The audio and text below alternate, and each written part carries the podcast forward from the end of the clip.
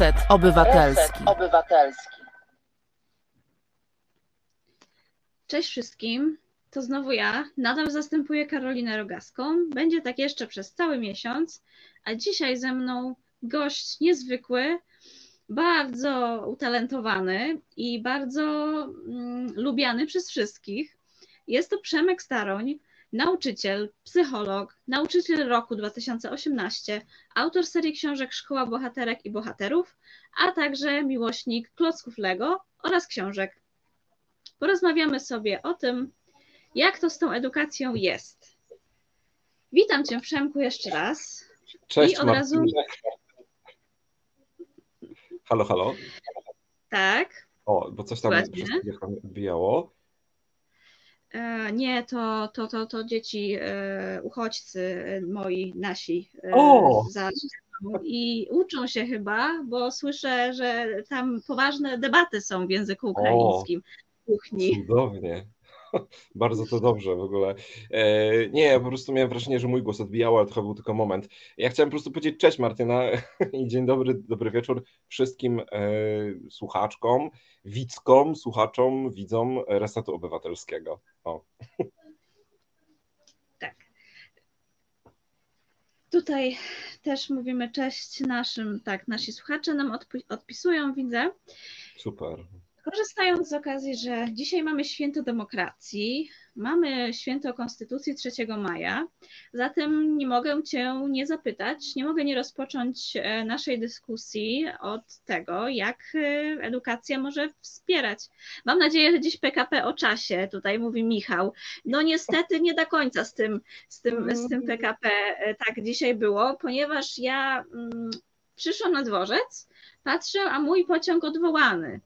No i się zastanawiam, jak ja dojadę. Okazało się, że był zastępczy autobus e, do Zboszynka. W Zboszynku był prześ była przesiadka e, na mój pociąg i oczywiście miał on pół godziny opóźnienia, ale dotarłam. Dotarłam na czas. Nie było tym razem trzech godzin opóźnienia, no bo kontekst. Ostatnio były trzy godziny opóźnienia O i się matko. spóźniłam trzy godziny i musieliśmy audycję zaczynać pół godziny później, bo był, była taka obsługa w związku z pociągiem, ale tym razem nie było aż tak. Zatem pytam Cię, wracając do, em, do konstytucji, do demokracji, w jaki sposób szkolnictwo może wpływać na demokrację i na mm, zaangażowanie obywatelskie? Czy w ogóle edukacja ma tutaj coś, coś do rzeczy, czy nie? Czy jest jakiś związek? Powiedz. Nie, nie ma. Nie. W ogóle. Nie, no błagam, po prostu edukacja to jest, wiesz, jakieś pitu-pitu, a demokracja to są poważne sprawy. O czym my tu w No ogóle nie. mówimy? Nie, oczywiście ja, ja sobie, że tak powiem, lubię, mm, że tak to ujmę, heheszkować w różnych sytuacjach, dlatego że e, no, siłą rzeczy to pomaga po prostu żyć, e, zwłaszcza kiedy człowiek uświadamia sobie, że te mm, tematy, o których mówi, są, są poważne i są bardzo niepoważnie traktowane w rzeczywistości, w której żyjemy. E, To jest coś, co myślę dotyczy chyba wszystkich nas tutaj słuchających i oglądających. Mm, Natomiast tak zupełnie serio, no nie czarujmy się, edukacja e, jest, jest gwarancją w bardzo dużej mierze demokracji, tak naprawdę. E, I trzeba mieć tą świadomość, że no nie ma demokracji takiej pełnej, autentycznej e, bez porządnej edukacji. No po prostu. To oczywiście można wymieniać tutaj argumenty i tak dalej, ale gdybym miał to powiedzieć w jednym zdaniu, to dosłownie. E, one są ze sobą tak powiązane fundamentalnie, istotowo, esencjonalnie, pragmatycznie i jakkolwiek tylko jeszcze możemy chcieć, że naprawdę rzadko się zdarza, żeby, można powiedzieć, jakieś zjawiska były tak ze sobą powiązane, jak właśnie życie w dojrzałej demokracji. E, oczywiście my możemy dyskutować o tym, na ile demokracja liberalna, ona do tej pory spełniła swoje zadanie, wywiązała się swoich ról i tak dalej? Pewnie, że tak, ale jakby mimo wszystko trudno się nie zgodzić z tymi wszystkimi głosami powtarzanymi od stuleci, że no, siłą rzeczy ta demokracja jako pewna podstawa e, jest wciąż najlepszym ustrojem, tak? Że jakby do tej pory nie wymyślono nic lepszego. E, nawet jeżeli ona, mówię, ma różne błędy i tak dalej, i tak dalej. W związku z tym, no serio, po prostu nie ma, nie ma, nie ma edukacji E, bez demokracji, a też nie ma demokracji bez edukacji. Więc może tak na początek. Tak. No. E, a myślę, że w Polsce jest e, realizowana w jakiś sposób edukacja dla demokracji? Czy uczymy się w szkole, jak być dobrym obywatelem, obywatelką? Bo mhm. mnie się wydaje, że ja nie wyniosłam takiej wiedzy za bardzo ze, ze szkoły. Wiesz co, ja powiem szczerze, że no tutaj to pytanie, kiedy znaczy w sensie je formułujesz, to natychmiast przychodzi mi do głowy e, moja przyjaciółka i ekspertka w ogóle, przede wszystkim ekspertka, potem dopiero moja przyjaciółka, czyli e, nasza wspólna znajoma Agnieszka Jankowiak-Majk, babka od Histy, która no, naprawdę jest moim zdaniem największym autorytetem czy autorytetką w, w tej dziedzinie. E, I ja zawsze mówię, że ja mogę tylko nieśmiało się wypowiadać, słuchując się po mhm. prostu w jej mądrość. E, I, I powiem szczerze, że ja obserwując to, co robi Agnieszka, e, widzę jasno, że no, na poziomie takim oddolnym, jeżeli nauczycielom, nauczycielkom się chce, że tak powiem, to oczywiście mm, mogą realizować cudowne rzeczy i to robią. Natomiast problem tak naprawdę leży głębiej. Agnieszka ostatnio na konferencji, mm, takiego genialnego po prostu hubu, jakim jest progresownia. Ta konferencja miała miejsce w Gdańsku. Na swoim wystąpieniu powiedziała jasno, że my uczymy o demokracji, natomiast my nie uczymy w demokracji, tak? Czyli po prostu nawet jeżeli demokracja mm, i wszystkie te aspekty z tym związane pojawiają się na lekcjach, bo one siłą rzeczy pojawiają się na różnych lekcjach, typu wiedza o społeczeństwie, czy e, historia chociażby, czy nawet, nie wiem, etyka, to, to to jest takie mówienie o czymś, czego nie da się nauczyć, jeżeli się tego nie doświadcza. Czyli mówiąc krótko, nie chodzi tu już nawet o taki kraj w takim rozumieniu makro, ale przede wszystkim, e, no, nie czarujmy się, chodzi o taką demokrację jako pewne realia dotyczące funkcjonowania w klasie, w szkole i tak dalej, tak? E, więc tu, o to tutaj chodzi. Tutaj oczywiście bardzo słuszny głos, że demokracja u swojego zarania była czymś innym. Oczywiście, dlatego ja powiedziałem, ja w ogóle nie tykam kwestii de definicyjnych, historii i tak dalej. Po prostu e, siłą rzeczy no, skupiamy się na tym, że demokracja jest pewnym systemem e, społeczno-politycznym, który, co by nie mówić, jest w kontrze do tego wszystkiego, co my widzimy chociażby. E, no teraz mamy bardzo blisko to, e, patrząc chociażby na rzeczywistość Rosji. No właśnie, nie? To jest dokładnie o to chodzi. Demokrację należy rozumieć jako przeciwieństwo e, wszystkich tych ustrojów, gdzie po prostu mamy do czynienia z tyranem, z autokratą, z jakimiś formami zbliżającymi się do totalitaryzmu i tak dalej. To przede wszystkim o to chodzi. Natomiast wracając do tego cały czas mówię, ja, ja bardzo jestem zainspirowany właśnie słowami Agnieszki, że e, dużo się nawet o tym mówi, natomiast niestety, ale jeżeli dziecko uczy się na przykład na lekcji WOS-u o tym, że demokracja jest powiedzmy najlepszym z ustrojów, bo lepszego nie wymyślono, może tak. E, mówi się o tym, że powinniśmy zabierać głos w ramach demokracji, a jednocześnie to dziecko dowiaduje się, że będzie sprawdzian e, i no, podejmuje się jakąś znaczy klasa podejmuje pertraktację z nauczycielem czy z nauczycielką e, w sprawie tego, że tego sprawdzianu nie było i tak dalej i niestety słyszę coś takiego, że no nie, nie, nie, nie, nie, to, to ja o tym decyduję. No to uczymy się o, nie uczymy się w warunkach demokracji, tak? I to jest bardzo poważny problem. E, więc no, siłą rzeczy, gdyby to tak podsumować, to można powiedzieć, że polska edukacja globalnie jest raczej niedemokratyczna, e, bo, bo, bo no, trudno, żeby była esencjonalnie demokratyczna, jeżeli jest realizowana w takim postpruskim systemie opartym o przymus, kontrolę, władzę, zakazy, nakazy i tak. Natomiast z drugiej strony są tacy, którzy robią wszystko, żeby po prostu na takim oddolnym poziomie zwłaszcza jakby tej demokracji i w warunkach demokracji uczyć. Tak? To, to nawet jeżeli to brzmi sprzecznie, no nie jest sprzeczne, bo wciąż e, rzeczywistość makro jest czymś innym niż konkretne przykłady, e, które no, na szczęście jest ich całkiem sporo, może tak bym to ujął.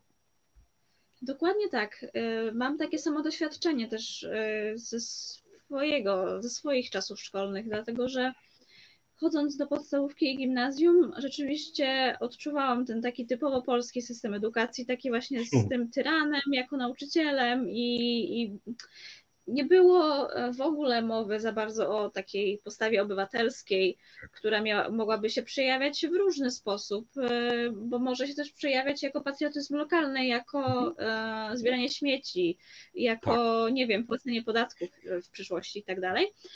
Aż poszłam do liceum amerykańskiego i tam już ten system wyglądał zupełnie inaczej i nauczyciele bardzo nas chcieli aktywizować, bardzo nas bardzo kładli nacisk właśnie na to, żeby, e, żebyśmy byli świadomymi obywatelami e, wchodzącymi w dorosłość. I pamiętam, że no, tam w ogóle układa się, układało się e, samemu plan, nie? Tam jakby nie było tak, że, że dwie osoby miały ten sam plan, to tam były kursy i każdy się zapisywał e, na, na to, na co chciał, oczywiście z zachowaniem pewnych ram, które e, trzeba było zachować, bo jednak jesteśmy właśnie w Polsce i trzeba maturę polską zdawać, więc tam polski tak. musiał być, matematyka musiała być i WF i, i, i, i język. No i te mm, kursy miały swoje określone tematy i na przykład był taki kurs na angielskim e, debaty. No i tam właśnie uczono się typowo e, rozmowy z drugim człowiekiem. Dokładnie. Czyli no, był jakiś e, zadany temat, na przykład dostęp do broni, no i mhm. były dwie grupy dzielone tam na zasadzie Twoich własnych poglądów lub też nie, bo chodziło o to, żeby zagrać, żeby zagrać e, rozmowę, żeby mhm. wczuć się nawet, nawet w tę sytuację tego drugiego człowieka, który jest przeciw, ale znaleźć argumenty i, i spróbować kulturalnie porozmawiać, wymienić się argumentami, dojść do wniosku, czy mnie to odpowiada, czy nie. Też w ogóle ten system amerykański bardzo stawiał na współpracę i na to, żeby, e, umie, e, żeby móc się dogadać, bo przez to, że nie mieliśmy klas, bo my nie mieliśmy klas takich jako takich, spotykaliśmy się jedynie na wychowawczej, mhm, a mhm. resztę przedmiotów, e, resztę przedmiotów mieliśmy w takich e, klas, takich grupach wymieszanych i nigdy nie było wiadomo, na jakie osoby trafimy. E, zmieniało się to co trymestr, bo nie mieliśmy semestrów, tylko trzy no. trymestry. I hmm. były straszne roszady, i to powodowało, że trzeba było nauczyć się współpracować z osobami, które niekoniecznie, których niekoniecznie lubimy, bo tak jest też w dorosłym życiu. Przecież skoro idziemy do pracy, do biura na przykład, do tego przysłowiowego korpo, no to tam też nie wszyscy nas uwielbiają, prawda? I musimy się nauczyć z nimi współpracować. I to moim zdaniem było niezwykle demokratyczne właśnie w tej szkole. Mhm. Chciałabym, ogóle...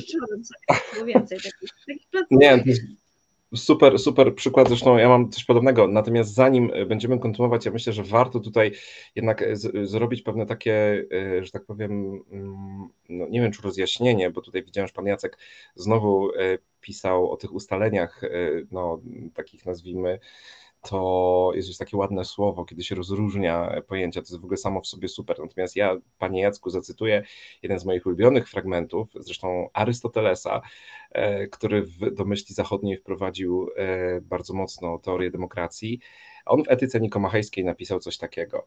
To więc jest celem naszych badań, jako należących w pewnym sensie do nauki o państwie, co się tyczy opracowania naszego przedmiotu, to wystarczy może, jeżeli ono osiągnie ten stopień jasności, na który ów przedmiot pozwala. Nie we wszystkich bowiem wywodach należy szukać tego samego stopnia ścisłości, podobnie jak nie we wszystkich tworach ręki ludzkiej. Też przepraszam, tak też co do pojęć piękna, moralnego i sprawiedliwości, którymi zajmuje się nauka o państwie. Więc myślę sobie, że my możemy naprawdę jakby y, zostawić w tym momencie próby jakiegoś rozróżniania akademickiego, e, bo to nie jest tematem naszej rozmowy. Natomiast oczywiście, y, jeżeli ktoś na przykład jest zainteresowany, e, wiem, analizowaniem e, różnych pojęć z zakresu nauki o państwie, no to ja tutaj polecam przede wszystkim ideologię polityczną Haywooda, a także w ogóle klasyków po prostu i rzeczywiście można zobaczyć sobie bardzo, bardzo dużo rzeczy. Wracając natomiast do tego aspektu, o którym mówiłaś, Martyno, Wiesz co, ja miałem bardzo taką jakby podobną sytuację w tym sensie, że ja y, w szkole podstawowej, mm, bo jestem tym ostatnim rocznikiem ośmioklasowej szkoły, e, naprawdę, no można powiedzieć, trafiłem idealnie, bo e, jakby realizowano, to była taka bardzo mądra szkoła, od, y, podstawówka numer 18 w Koszalinie. E, i powiem szczerze, że to, co było w niej super, to to, że bardzo współpracowała z różnymi podmiotami, które się znają na różnych projektach, e, specjalizują wręcz, między innymi z Centrum Edukacji Obywatelskiej. I ja jako siódmoklasista mm, wraz z całą moją klasą, i tam jeszcze pamiętam jedna klasa w tym uczestniczyła, zostaliśmy objęci programem KOS-u, Kształcenia Obywatelskiego Szkoły Samorządowej. Pozostałe klasy w ósmej yy, klasie miały tylko WOS, E, przez jeden rok, a my mieliśmy KOS i my poznawaliśmy mm, jakby no naprawdę od podstaw, począwszy od tego, co ty zresztą powiedziałaś, e, od patriotyzmu rozumianego lokalnie, dbania tak naprawdę o naszą społeczność lokalną, e, poprzez te kolejne jakby piętra. My realizowaliśmy projekty, pamiętam projekty dotyczące renowacji zabytków w Koszalinie, i nie ukrywam, że właśnie na przykład ja jako tym myślę, to mam takie poczucie, że mnie to mega E, jakby nie tyle może mnie stricte ukształtowało, co mi, bo to już było po tym, kiedy ja jako trzynastolatek zabierałem głos, pisałem do posłów i senatorów i posłanek i senatorek w sprawie województwa środkowo-pomorskiego. Natomiast prawda jest taka, że no, upewniło mnie to tylko, że to jest to właśnie słuszna droga, bo to było takie właśnie praktyczne, e, mimo że to była publiczna szkoła, to jednak no, dzięki temu projektowi CEO było super. Co ciekawe jednak, był taki moment, jak my po roku tej działalności, a napisaliśmy petycję do dyrekcji, żeby nasza pani od fizyki, e, no jakby została w tej ósmej klasie, żeby jej nie zmieniano. I pamiętam, że ja jako tutaj organizator tego przedsięwzięcia dostałem oper. Na zasadzie takiej, że no w zasadzie to było różnie tłumaczone, ale mi to się po prostu nie spodobało. I pamiętam, że jakiś tydzień czy dwa tygodnie wcześniej mm, ja y, gdzieś tam prezentowałem przed całą Radą Pedagogiczną to, czego się już nauczyliśmy w ramach tego kosu. I dosłownie dwa tygodnie później, e, no jakby był taki głos, nie? Taki po prostu, że to jest niefajnie, my to załatwiliśmy, że trzeba do pani dyrektor pójść. Nie wiem, czy ona w ogóle miała o tym pojęcie, natomiast granie chodzi po prostu o to, że no, byli tacy, którzy jakby zwrócili nam dosyć poważnie uwagę. I ja miałem takie poczucie właśnie, ej, czyli wprowadza się mega program, który pozwala uczyć się w warunkach demokracji, ale kiedy my zaczynamy korzystać z tych narzędzi, o których się uczymy, zaczyna się problem.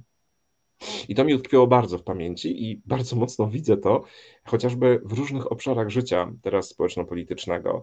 E, dopóki jakby Zresztą ja tego doświadczyłem no, bardzo mocno, bo ja przez długi czas byłem e, takim pupilkiem różnych środowisk, e, takich mediów liberalnych, pewnych partii opozycyjnych, do momentu poparcia Szymona Hołowni. Potem jakby to już się w ogóle po prostu gdzieś tam Przemek zniknął. I to była kolejna taka sytuacja, gdzie sobie to uświadomiłem, jak bardzo jakby wartości, o których mówimy, których nauczamy, mogą być jedynie na języku, tak? a one nie mogą być na języku. No albo traktujemy to poważnie, albo w ogóle dajmy sobie z tym spokój.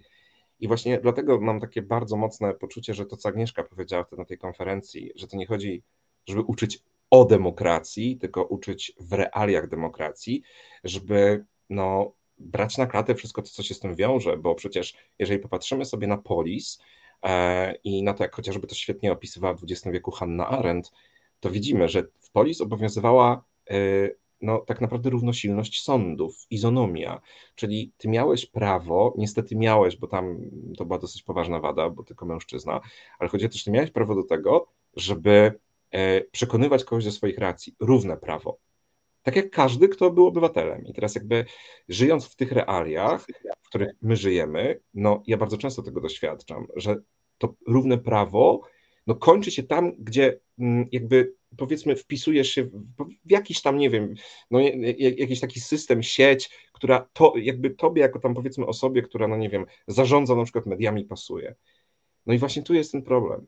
E, debaty oksfordzkie tak samo. Ja niejednokrotnie przygotowałem uczniów i uczennice do debat. Oni wygrywali w ogóle te różne jakby te, te, te pułapy tego i tak dalej. Po czym, jak przychodziło co do czego i oni używali e, argumentacji rzetelnej, czy to na poziomie szkoły, do której chodzili, czy na poziomie nawet dyskusji różnych i też walki o swoje w ramach no, odwołań do Komitetu Głównego Olimpiady Filozoficznej przy Polskim Towarzystwie Filozoficznym, to ranga tej argumentacji w ogóle nie była brana pod uwagę, a odpowiedzi, które potrafili słyszeć, czy potrafiły słyszeć, były po prostu mnie osobiście rozwalały.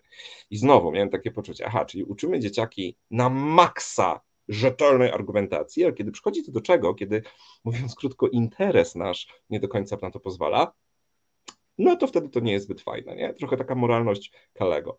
No, więc jakby ja tutaj, wiesz, dokładam to, co ty jakby powiedziałaś, sensie dokładam jakby ten jeszcze aspekt, zarówno mój ucznia, jak i mój nauczyciela. I niestety to jest smutne, ale mówiąc krótko, nic się w tym zakresie nie zmieniło na poziomie takiej pewnej mentalności, a tu nie da się naprawdę tego inaczej robić.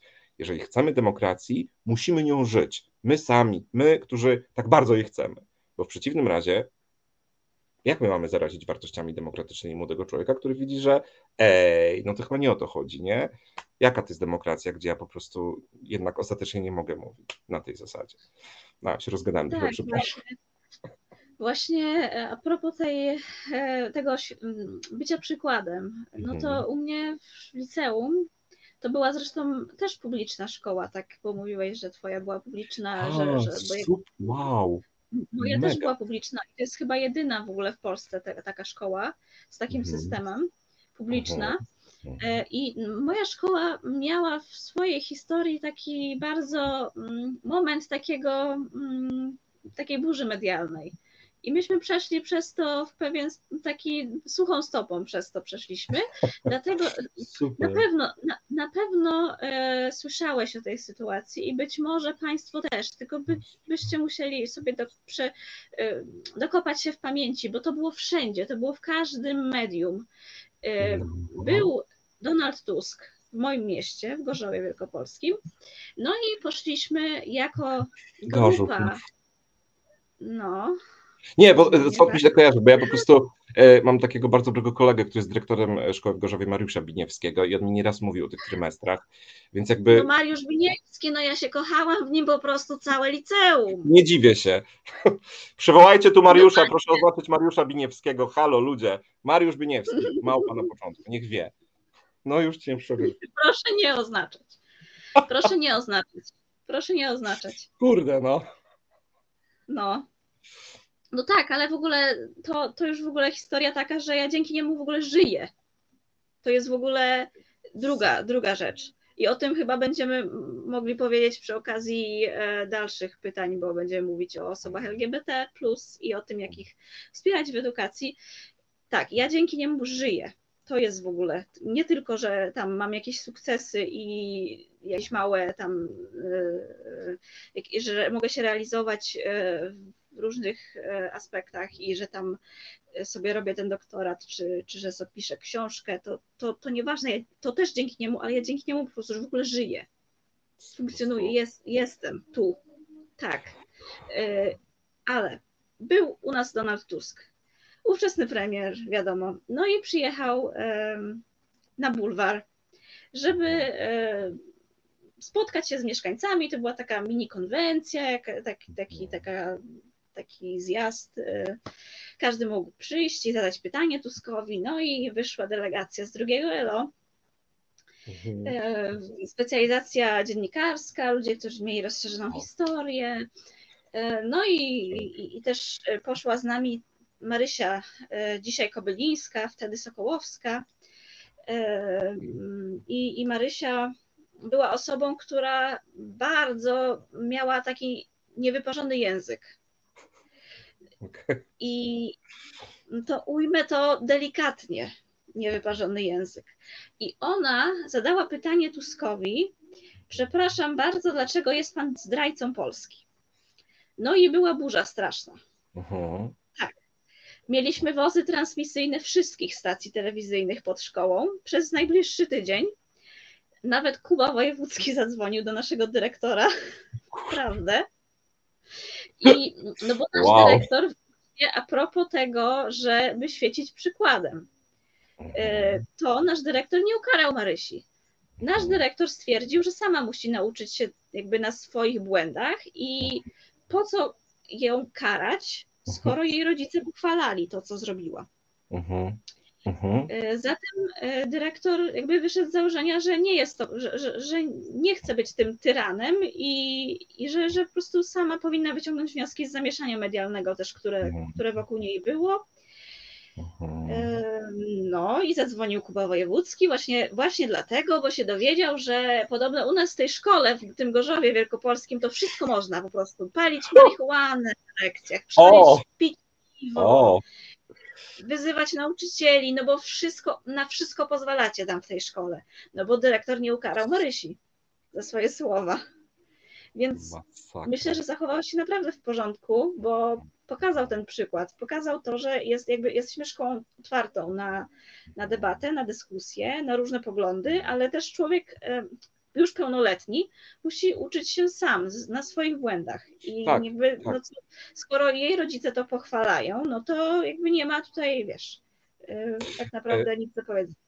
Wiesz co, ja powiem tylko, że właśnie patrzę, że się pojawia właśnie Agnieszka, e, przywoływana już wcześniej i paradoksalnie tutaj się świetnie e, jakby przypomina to, co właśnie Agnieszka kiedyś powiedziała a propos e, konsekwencji. Powiedziała, że kiedy jej uczennice poszły tutaj Agnieszko w razie czego popraw na, na jeżeli się pomylę, na strajk klimatyczny zamiast na lekcję i dziewczyny zwróciły się z prośbą o usprawiedliwienie tego. I Agnieszka fajnie wtedy powiedziała, słuchajcie, e, jakby no obywatelstwo, nie, e, znaczy nieposłuszeństwo obywatelskie polega na tym, że tak, ja się przeciwko czemuś buntuję, ale ponoszę konsekwencje. Nie? E, I ona mówi, wiecie, ja całym sercem was wspieram. Natomiast ja, y, gdybym wam to teraz usprawiedliwiła, no to siłą rzeczy byłoby to właśnie e, niekonsekwentne, tak? E, A na tym te konsekwencje jakby wpisane w akt tego obywatelskiego nieposłuszeństwa między innymi na tym polegają, że się je po prostu no, je przyjmuje. Czyli w tym momencie to, to, y, to nieobecność, która się rzeczywiście pojawia. Mi się to bardzo spodobało, chociaż ja oczywiście bardzo często sam robiłem takie rzeczy, tam wpisywałem jakieś zwolnienie w takich sytuacjach i tak dalej, ale, ale no nie ukrywam, że po prostu postawa Agnieszki no była taka tutaj perfekcyjna, no bo dokładnie o tym mówimy. To jest ciekawe, wiesz, dlatego, że e, w kontekście tego, co mówiłaś o Donaldzie Tusku, bo prawda jest taka, że e, Ja nie mówiłam jest... o Donaldzie Tusku, tylko o tej Nie, sytuacji kontekście, właśnie, bo tak, tak, tak, tutaj w już ktoś napisał, że znowu wina Tuska, znowu wina Tuska. No, no to E, ja generalnie zachęcam osoby, które takie coś piszą, może raczej do słuchania nas, a po prostu nie wyłapywania jakichś pojedynczych słów na zasadzie, bo to trochę tak wygląda jak uwarunkowanie. Słyszy jakieś hasło i o, o, o, trzeba nawalać. No chyba nie na tym zresztą polega dojrzałe funkcjonowanie. Natomiast jakby to, co jest e, kluczowe, to to, że właśnie w kontekście tego Donalda Tuska, ja powiem szczerze, że y, to jest, to jest właśnie sytuacja, w której można być świetnie w ogóle, można to świetnie rozegrać. Ja myślę, że to zostało rzeczywiście jakby e, świetnie rozegrane siłą rzeczy, bo prawda jest taka, że ja nieraz miałem takie sytuacje, kiedy ktoś, jak ty powiedziałaś na początku, że Przemka wszyscy lubią, bardzo mi miło, ale tak nie jest. Są osoby, które mnie wręcz nienawidzą. E, I ja powiem szczerze, że nieraz miałem takie sytuacje, kiedy ja widziałem, e, potrafiły być naprawdę takie głośne rzeczy typu e, post Janusza Korwina-Mikkego poświęcony specjalnie Przemkowi Staroniowi. Tak, tak, porównywanie mnie w ogóle do Hitlera, nazistów w ogóle i tego tam typu inne rzeczy. Więc jakby to, co ja zawsze miałem takie poczucie, to to, że jakby zamykanie komuś buzi, w sensie w takim rozumieniu e, udawanie, że coś się nie stało, czy coś, to jakby to nie jest idealna y, opcja, nazwijmy to. W sensie ja oczywiście siłą rzeczy z, w takich sytuacjach no, robię zawsze to, na przykład nie wiem, kiedy ktoś takiego pisze, nie wiem, zgłaszam post, ale to są realia social mediów, to trochę inaczej to wygląda. Natomiast bardziej chodzi mi o to, że ja y, mówiłem, zobaczcie, ktoś coś o mnie takiego napisał. Czy to jest prawda? Jak myślicie? W sensie najgorsze, najgorszy rynsztok zawsze mm, jakby staram się, jeżeli mam taką możliwość, pokazać argumentacyjnie, dlaczego ten rynsztok jest rynsztokiem.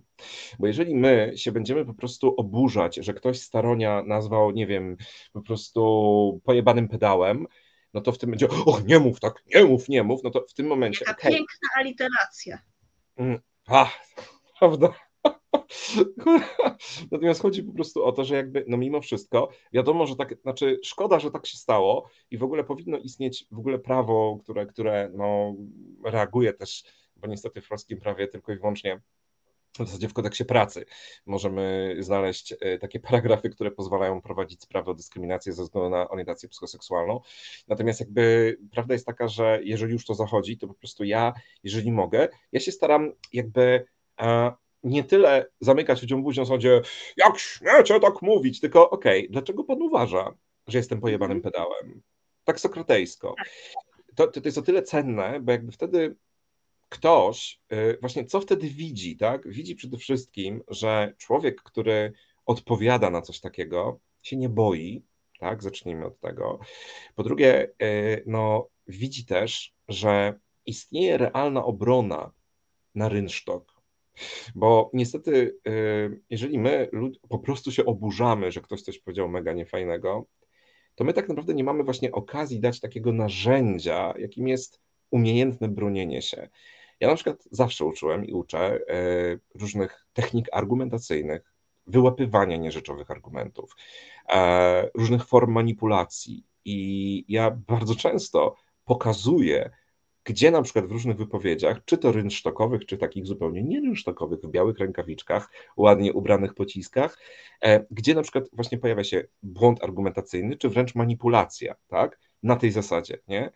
E, więc jakby, no powiem szczerze, że y, żeby to oczywiście jasno wybrzmiało, dla wszystkich, którzy tutaj oglądają, ani Martyna, ani ja, nie jesteśmy zwolennikami nazywania kogokolwiek, y, że tak powiem, publicznie e, znaczy no, mówię o sobie, ale myślę Martyna, że ty się raczej odpiszesz pod tym e, w jakiś taki sposób, natomiast jeżeli już takie coś się dzieje, no to, to naprawdę można właśnie zrobić z tego paradoksalnie coś, co bardzo pozwoli nauczyć kogoś naprawdę rzetelnego myślenia, argumentowania i tak dalej. A w tym momencie w związku z, właśnie z tymi mediami, to to było super, bo rzeczywiście ta dziewczyna zobaczyła na sobie, co to znaczy e, wywołać szum medialny. A to jest naprawdę paradoksalnie, nawet dla osób, które chcą być często w centrum uwagi, doświadczenie takiego wręcz linczu medialnego jest doświadczeniem niemalże granicznym. Ono potrafi naprawdę człowieka rozwalić psychicznie.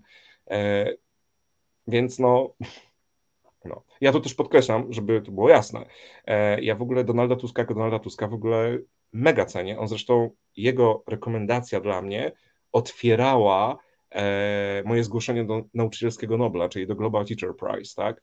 E, więc jakby no tutaj też w ogóle mógłbym dużo mówić, dlatego no ja jak jasno podkreślam, nie ma znaczenia tak naprawdę kto by to był, czy to by stał Donald Tusk, czy by to co stała nie wiem, premierka Finlandii, Przemek Staroń, Szymon Hołownia, nie ma znaczenia. Jakby to chodzi o pewną zasadę, tak? Zasadę, która pozwala ludziom się nauczyć jak najwięcej. No. Tak, dokładnie. I zresztą Tusk przyjechał do nas e, drugi raz po tej aferze, bo to już zrobiło się tak głośne, wszyscy o tym gadali, wszędzie. że, że je, oczywiście po jednej stronie było licealistka zaorała Tuska, e, ale pięty poszło. E, brawo dla tej dziewczyny, a po drugiej stronie było jaka ta niewychowana młodzież, e, żeby takie rzeczy, po prostu co w tym Gorzowie, nauczyciele, że nauczyciele pozwalają w ogóle, jak to w ogóle taki język, że tam, że, że jak w ogóle, jak, jakim cudem takie rzeczy. I Tusk przyjechał, zorganizował nam spotkanie w auli, każdy Super. mógł przyjść. Każdy Super. mógł zadać pytanie, nie tylko takie reżyserowane pytania wcześniej zatwierdzone, Super. ale mógł coś nawet, e, bo wtedy było Euro 2012, to koleżanka zapytała, komu kibicuje. I on Super. z tego pytania najbardziej się cieszył. Właśnie nie chciał odpowiadać na pytania typu, znaczy wolał odpowiadać na pytania o piłkę nożną niż tam o Unię Energetyczną i tak dalej, o, na, na, mhm. na takie pytania, które mu wszyscy zadawali. Um, wolał takie lżejsze pytania i przywiózł no tak. kwiaty dla, dla Marysi i, i to też wszędzie, wszędzie poszły te zdjęcia gdzie on wręcza kwiaty Marysi. I no i to jest tak, super. Tak, uważam, że to jest w ogóle Przepraszam, nie chciałem się bić, ale nie, po prostu, że to jest w ogóle super postawa.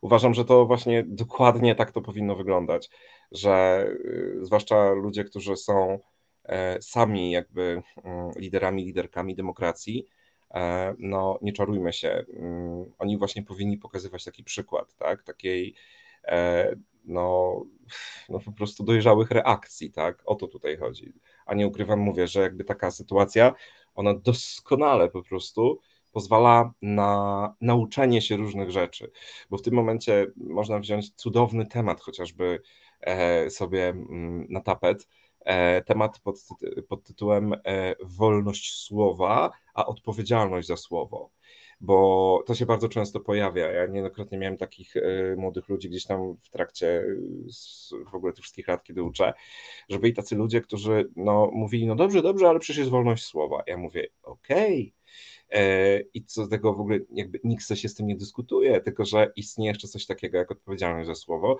i też jakby no, w prawie mamy przecież przewidziane kary za jakieś różne formy krzywdzenia i chyba czas już zrozumieć w tych czasach totalnie, że żyjemy w rzeczywistości takiej, gdzie słowem można zadać y, po prostu potężne ciosy i, i to raz, a dwa, no nie ukrywam też, że e, ja niejednokrotnie e, właśnie jakby gdzieś tam słysząc tego typu wypowiedzi, o, to jest zdrajca Polski, no to ja mówiłem, okej, okay, dobrze, słuchaj, to, to weź mi to uzasadnij, dlaczego to jest zdrajca Polski, dlaczego to jest tak. I nagle się okazywało, nie w wyniku atakowania, tylko w wyniku takiego, takiej wspólnej rozmowy i rzetelnego namysłu, że kurczę, no chyba nie ma sensu używać takich e, jakby pojęć, które mają tak szerokie pole semantyczne, no bo w gruncie rzeczy mm, trudno to potem obronić, tak? E, jeżeli używamy w stosunku do kogoś, nie wiem, albo te takie hasła, które są potocznie hańba, albo coś w tym rodzaju, no, no to tak serio, argumentacyjnie to można bardzo łatwo rozłożyć. Dlatego mówię, no jakby ja wiem, że, że to żyjemy w trudnych czasach i prawnie powinny być ścigane różne formy, co zresztą e, kazus Adamowicza powinien mega nas uświadamiać, co się dzieje, jeżeli my pozwolimy rozplenić się mowie nienawiści i tak dalej, ale jakby to nie zmienia faktu, że jeżeli to już się pojawia, to fajnie na to po prostu reagować tak, żeby ludzie jak najwięcej się mogli nauczyć. Tak, i ja z niecierpliwością czekam na to, aż w naszym, e, naszym prawie będzie, będzie zapis na tam, mhm. odnośnie mowy nienawiści i, tak. i z, z, przesłanki też e, mhm. orientacji seksualnej, tożsamości tak. płciowej, bo Dokładnie. to, co się dzieje obecnie w sferze mm, social mediów i, i w ogóle w przestrzeni publicznej, bo to też politycy, y, osoby publiczne, czy nawet profesorowie, pamiętasz, nie wiem, czy pamiętasz słynny felieton y, profesora Nalaskowskiego, tak. który jest takim sztokiem, że to po prostu czyta się tak, jakby to jakiś komik amerykański napisał jako żart. No. A to jest tak, jakiś tak, tragiczny, tak. to jest jakiś po prostu naprawdę rynsztok. No, to jest kuriozum. W normalnym kraju ta osoba powinna stracić, yy, stracić pracę. Tak, no tak, tak dokładnie powinno to być, bo w ogóle już pomijam to, że to jest po prostu kompletnie nienaukowe, to jeszcze na dodatek jest to po prostu niesamowicie krzywdzące. E, a znowu wracamy do kwestii jakby tej takiej akademickości, e, bo często też się powtarza, że no uniwersytety, w ogóle uczelnie wyższe, no to one przecież jakby no, mają swoją autonomię, ale jakby to jest ten sam argument, który niejednokrotnie słyszę w kontekście autonomii sztuki. E, kiedy rozmawialiśmy wielokrotnie o tym, jak jeszcze zwłaszcza prowadziłem zajęcia z wiedzy o kulturze, no i jakby tam no sztuka to po prostu był jeden z głównych tematów. Często braliśmy to też jakby na tapet e, na zajęciach etyki czy też filozofii. E, nie jedna moja olimpijka obroniła pracę na Olimpiadzie Filozoficznej właśnie z filozofii sztuki. I zawsze taki konkretny przykład dawaliśmy, e, czy jeżeli powiemy, że sztuka ma nieograniczoną autonomię, to czy zgodzimy się na to, żeby w ramach performance'u e, zwracającego uwagę na prawa zwierząt, artystka zagłodziła psa, tak? Jakby to jest coś takiego, jakby mówienie, że coś ma totalną autonomię, jest jakby niestety y, bardzo problematyczne, e, bo ja mam takie wrażenie, że my żyjemy po prostu w takich realiach, w których e, my bardzo mm, doświadczamy braku wolności, zarówno w rozumieniu negatywnym, jak i pozytywnym, czyli wolności od i wolności do, co powoduje, że my ją bardzo absolutyzujemy. a jak ja się na szkole liderów dowiedziałem, no, w zasadzie każdej, każdemu ugrupowaniu na przykład politycznemu w Polsce chodzi o wolność, tylko każdy rozumie inaczej. Natomiast mam takie wrażenie, że wszyscy potrzebują wolności. Natomiast to powoduje, że my zapominamy o tym, że wolność jest jak po prostu, o tutaj mam akurat monety z banku Gringota, ups, spadły mi, ale mam jedną, została, że jakby wolność i odpowiedzialność są dwiema stronami tego samego medalu. Nie da się jakby argumentować na rzecz wolności, na rzecz jakiejkolwiek autonomii, e, bez e, jakby tej drugiej strony, jaką jest odpowiedzialność. Viktor Frankl, który naprawdę, no w ogóle był jednym moim zdaniem z takich najwybitniejszych ludzi ostatnich czasów. Przeżył obóz koncentracyjny i siłą rzeczy po prostu no, e, został psychiatrą, neurologiem, twórcą logoterapii i tak dalej. On wielokrotnie argumentował, że tak jak na wschodnim wybrzeżu Stanów Zjednoczonych stoi statua wolności, tak na zachodnim powinna stać statua odpowiedzialności. Jeżeli my łączymy te dwie wartości w swojej głowie, bo one są ze sobą esencjonalnie połączone, no to naprawdę bardzo łatwo przychodzi nam zrozumieć, że nie można jakby tłumaczyć zła, krzywdzenia ludzi autonomią, wolnością i tak dalej. Tak? To jest jakby na tej zasadzie. E, natomiast wiesz, Martyno, ja myślę, że właśnie to w ogóle, to, to, że nawet teraz jakby rozmawiamy o tym, to jakby ten wątek się porusza, właśnie pokazuje, jaką my właśnie mimo wszystko jesteśmy świeżą demokracją, nie? Jak bardzo jakby te różne, powiedzmy, problemy e, z jednej strony w różnych krajach są już ho, ho do przodu, ale z drugiej strony, jak mimo wszystko my wszyscy, zarówno Polacy i Polki, jak i mieszkańcy, mieszkanki innych krajów Zachodu, e, tak czy siak jest, jakby kilka lat temu się okazało, że jesteśmy kompletnie bezbronni wobec e, zupełnie nowych form przekazu, czyli no po prostu internetu mediów społecznościowych, bo nagle się okazało, że Stany Zjednoczone, Wielka Brytania e, zostały błyskawicznie za pomocą algorytmów social mediowych zdominowane tak, że po prostu tu w ogóle Trump, a tu Brexit, tak?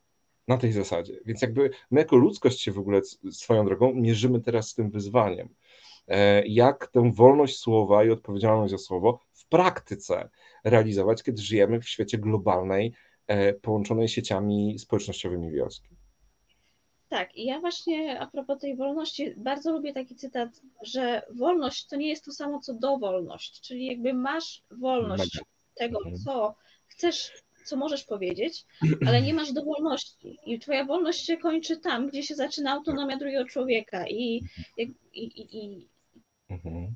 to, że ktoś może mnie wyzywać, ty dziwko, ty taka, mój dziadek się w głowie przewraca, jak, jak widzi, jakie osoby uczą na tym UAM-ie, no to, to jakby no, no bo takie wiadomości dostawałam, naprawdę. To jest jeden z dziwniejszych e, komentarzy, jaki przeczytałam na swój temat, że kogoś dziadek się w grobie przewraca, jak widzi, jakie to dziwolągi uczą na, na tym UAM-ie. No. Nie, no to I nieźle. To, to ta osoba jakby no ma, może to, to zrobić, ale powinna powinna się zastanowić, no czemu, co, co ona chce osiągnąć. Czy, czy, czy ona chce po prostu się za przeproszeniem wyżygać y, swoje jakieś frustracje i nie, ja, ja się zawsze, zawsze zastanawiam, o co tym ludziom chodzi. Że mi naprawdę już ja, no, no, ja nie blokuję ludzi. Raz w życiu dałam bana na chwilę, bo potem już ktoś mi napisał, że e, banujesz ludzi za poglądy, coś tam.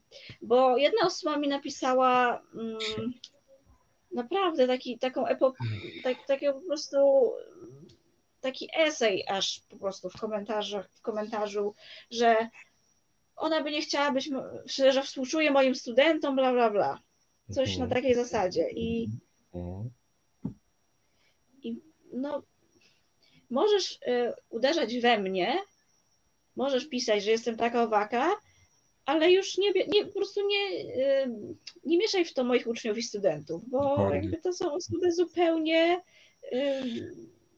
które nie powinny, jakby, no, to są osobne byty, tak? I to jak ja uczę, to moja persona online'owa to jest moja persona prywatna, a ja w pracy, to jestem ja w pracy. I ja nikogo też y, bo, bo, był taki zarzut, że skoro jestem panią od feminatywów, no to ja na pewno odejmuję punkty, jak ktoś nie napisze Jest. Tak, ja ja w ogóle, ja w ogóle popełniłam całego posta na ten temat, że ludzie, mnie nie obchodzi to, jak wy mówicie. Ważne, żebyście mówili po polsku lub po angielsku.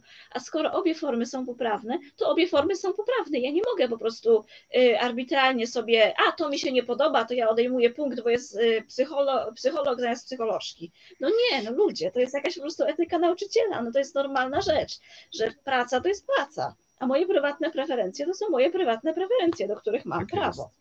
I mogę Tak. o nich mówić w internecie, ale w pracy jestem nauczycielką, bezstronną. Co, I tak, no, jeden z moich kolegów też powiedział takie bardzo, bardzo fajne zdanie na temat egzaminów ustnych, że my mamy oceniać formę, a nie treść.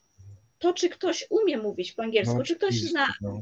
czy ktoś ma mm, świetne słownictwo e, wyszukane, czy ktoś zna struktury gramatyczne, czy ktoś ma poprawną wymowę. A to, co on mówi, to nie jest w ogóle tutaj oceniane, bo to nie jest egzamin z tego, czy jesteś y, demokratą, czy jesteś dobrym obywatelem, czy jesteś y, za platformą, czy za PiSem, czy za Konfederacją, tylko egzamin z języka, No z tego, co się chodzi. nauczyłeś. I on No. mówi tak, jest taki, jest taki poseł, Grzegorz Braun, no i on mówi straszne kocopoły, ale on mówi po polsku. I gdyby taki Grzegorz Braun mi przyszedł na egzamin, no to ja muszę mu dać pięć, bo chociaż on naprawdę gada głupoty, to on gada głupoty po polsku, bo polszczyzna jest piękna. I on ją, musi mu dać pięć. Nieważne, że to są głupoty, ważne, że są pięknie po polsku powiedziane. Znaczy pytanie, jakie Tak jest ja. polecenie?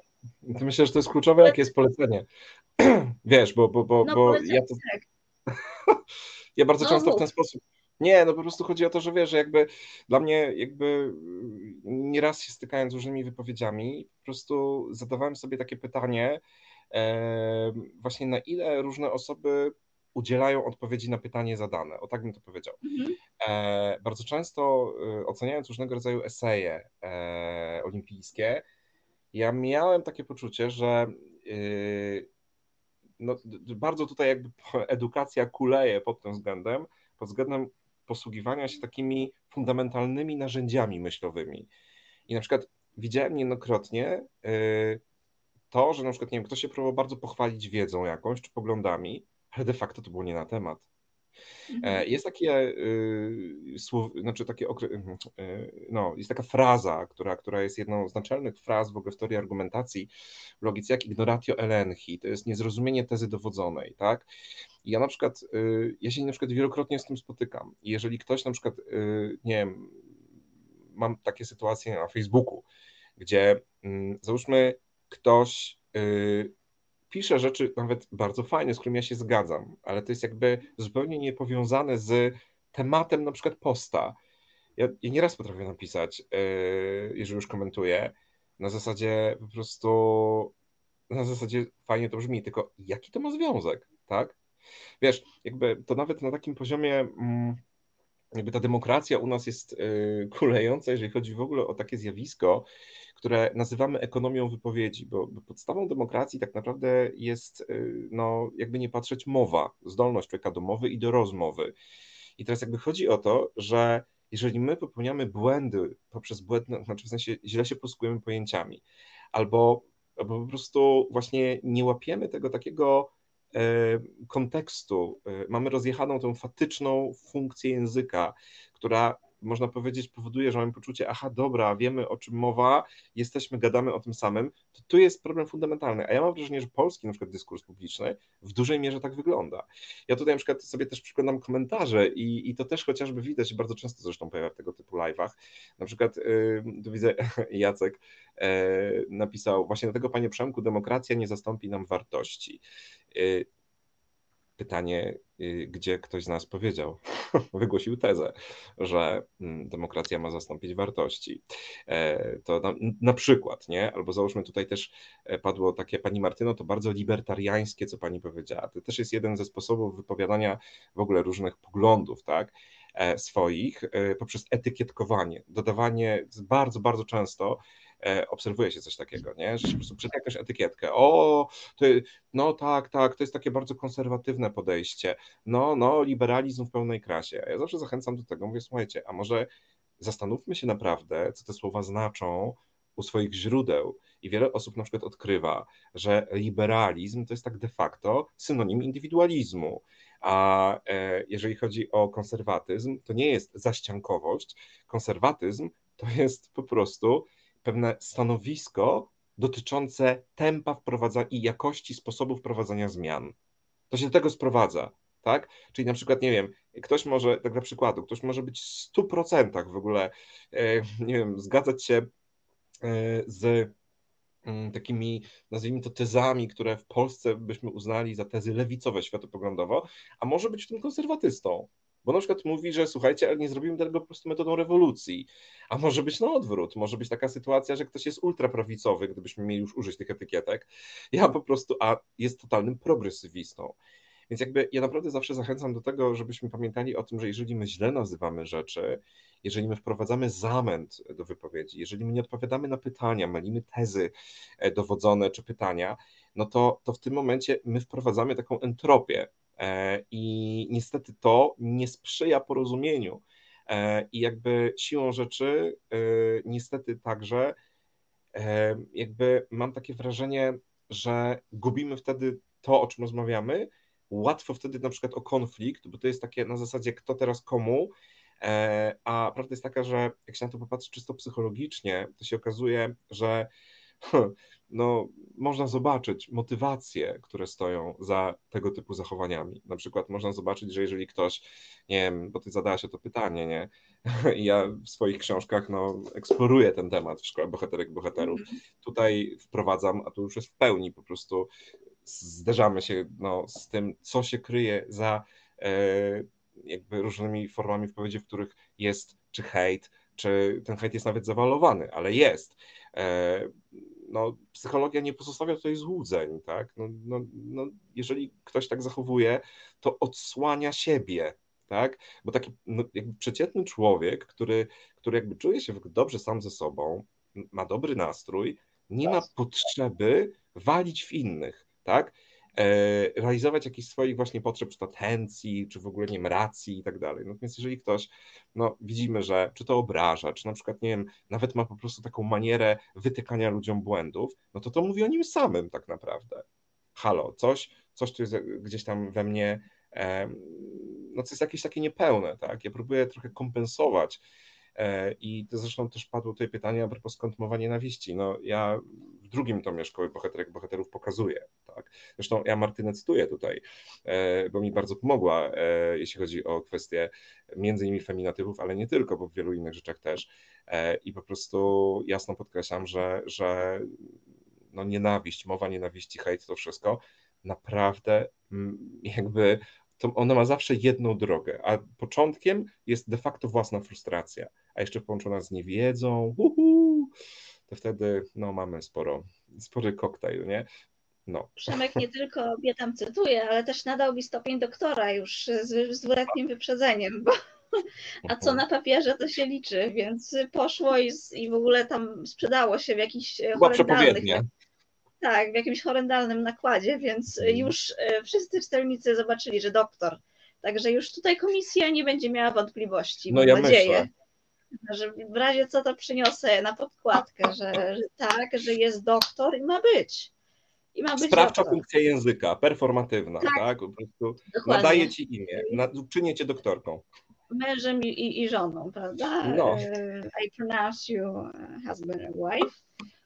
Mm, tak, e, ale straciłam wątek. E, Nie, przepraszam, wiesz co, bo, bo ja, ja, ja trochę pociągnąłem jakby ten, to, co ty mówiłaś w kontekście tego Brauna i jakby ja, bardzo mi się ten przykład spodobał, ja tylko tak, wiesz, trochę tak, jakby, można powiedzieć, że kij w mrowisko na takiej zasadzie, e, wiesz, jeżeli ktoś na przykład rzeczywiście egzaminuje z polskiego i ktoś mówi kocopoły, ale mówi po polsku, mm -hmm. no to rzeczywiście, no, no, no, skoro to jest egzamin z polskiego, no to wydaje się, że, że chyba raczej ten znajomość języka polskiego powinna tutaj e, być oceniana, ale prawda jest taka, że mówiąc właśnie kocopoły, ja jestem przekonany, że tam się w ogóle różne rzeczy dotyczące języka narusza, ale przede wszystkim mówię, zawsze jest kluczowe, na jakie pytanie się odpowiada, bo mam takie wrażenie, że jakby łatwo po prostu, znaczy uważny słuchacz jest w stanie też na przykład wychwycić to, tak? Na tej Mhm. zasadzie. E, Jak Ale ja powiem egzamin, taką rzecz, no. taką rzecz powiem, e, to tak e, się przyznam teraz do tego, mm, bo tu jak byłam studentką, też przechodziłam przez te egzaminy, które są bardzo ciężkie i są takie po prostu znane już w całym Poznaniu, że tam 30% osób zdaje. No i mamy tam 80 pytań, e, na które musimy sobie przygotować odpowiedzi, takie 10-minutowe. To są pytania z całego spektrum e, zagadnień, bo mm, przez rok mamy przedmiot in- Integrated Skills, który łączy w sobie gramatykę, i, i mówienie, i słownictwo, i to wszystko jest sprawdzane właśnie na tym egzaminie.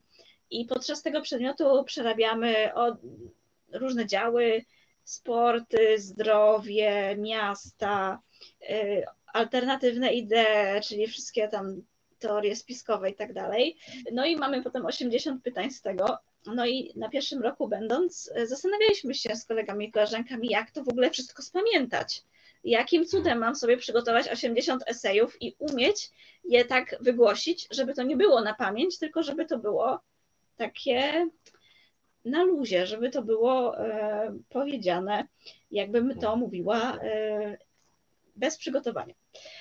No i były tam na przykład pytania o to, o, jak, e, co, e, jakie są cechy dobrego lekarza Aha. i pytanie, jakie jest twoje ulubione miasto.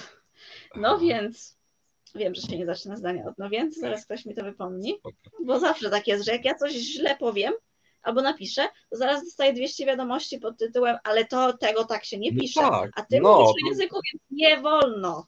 Nie wolno, zrobiłaś tu błąd. No, No, no. i e, też wpadliśmy na taki pomysł, że może by tak zrobić. E, Dostajesz pytanie, jakie jest twoje ulubione miasto?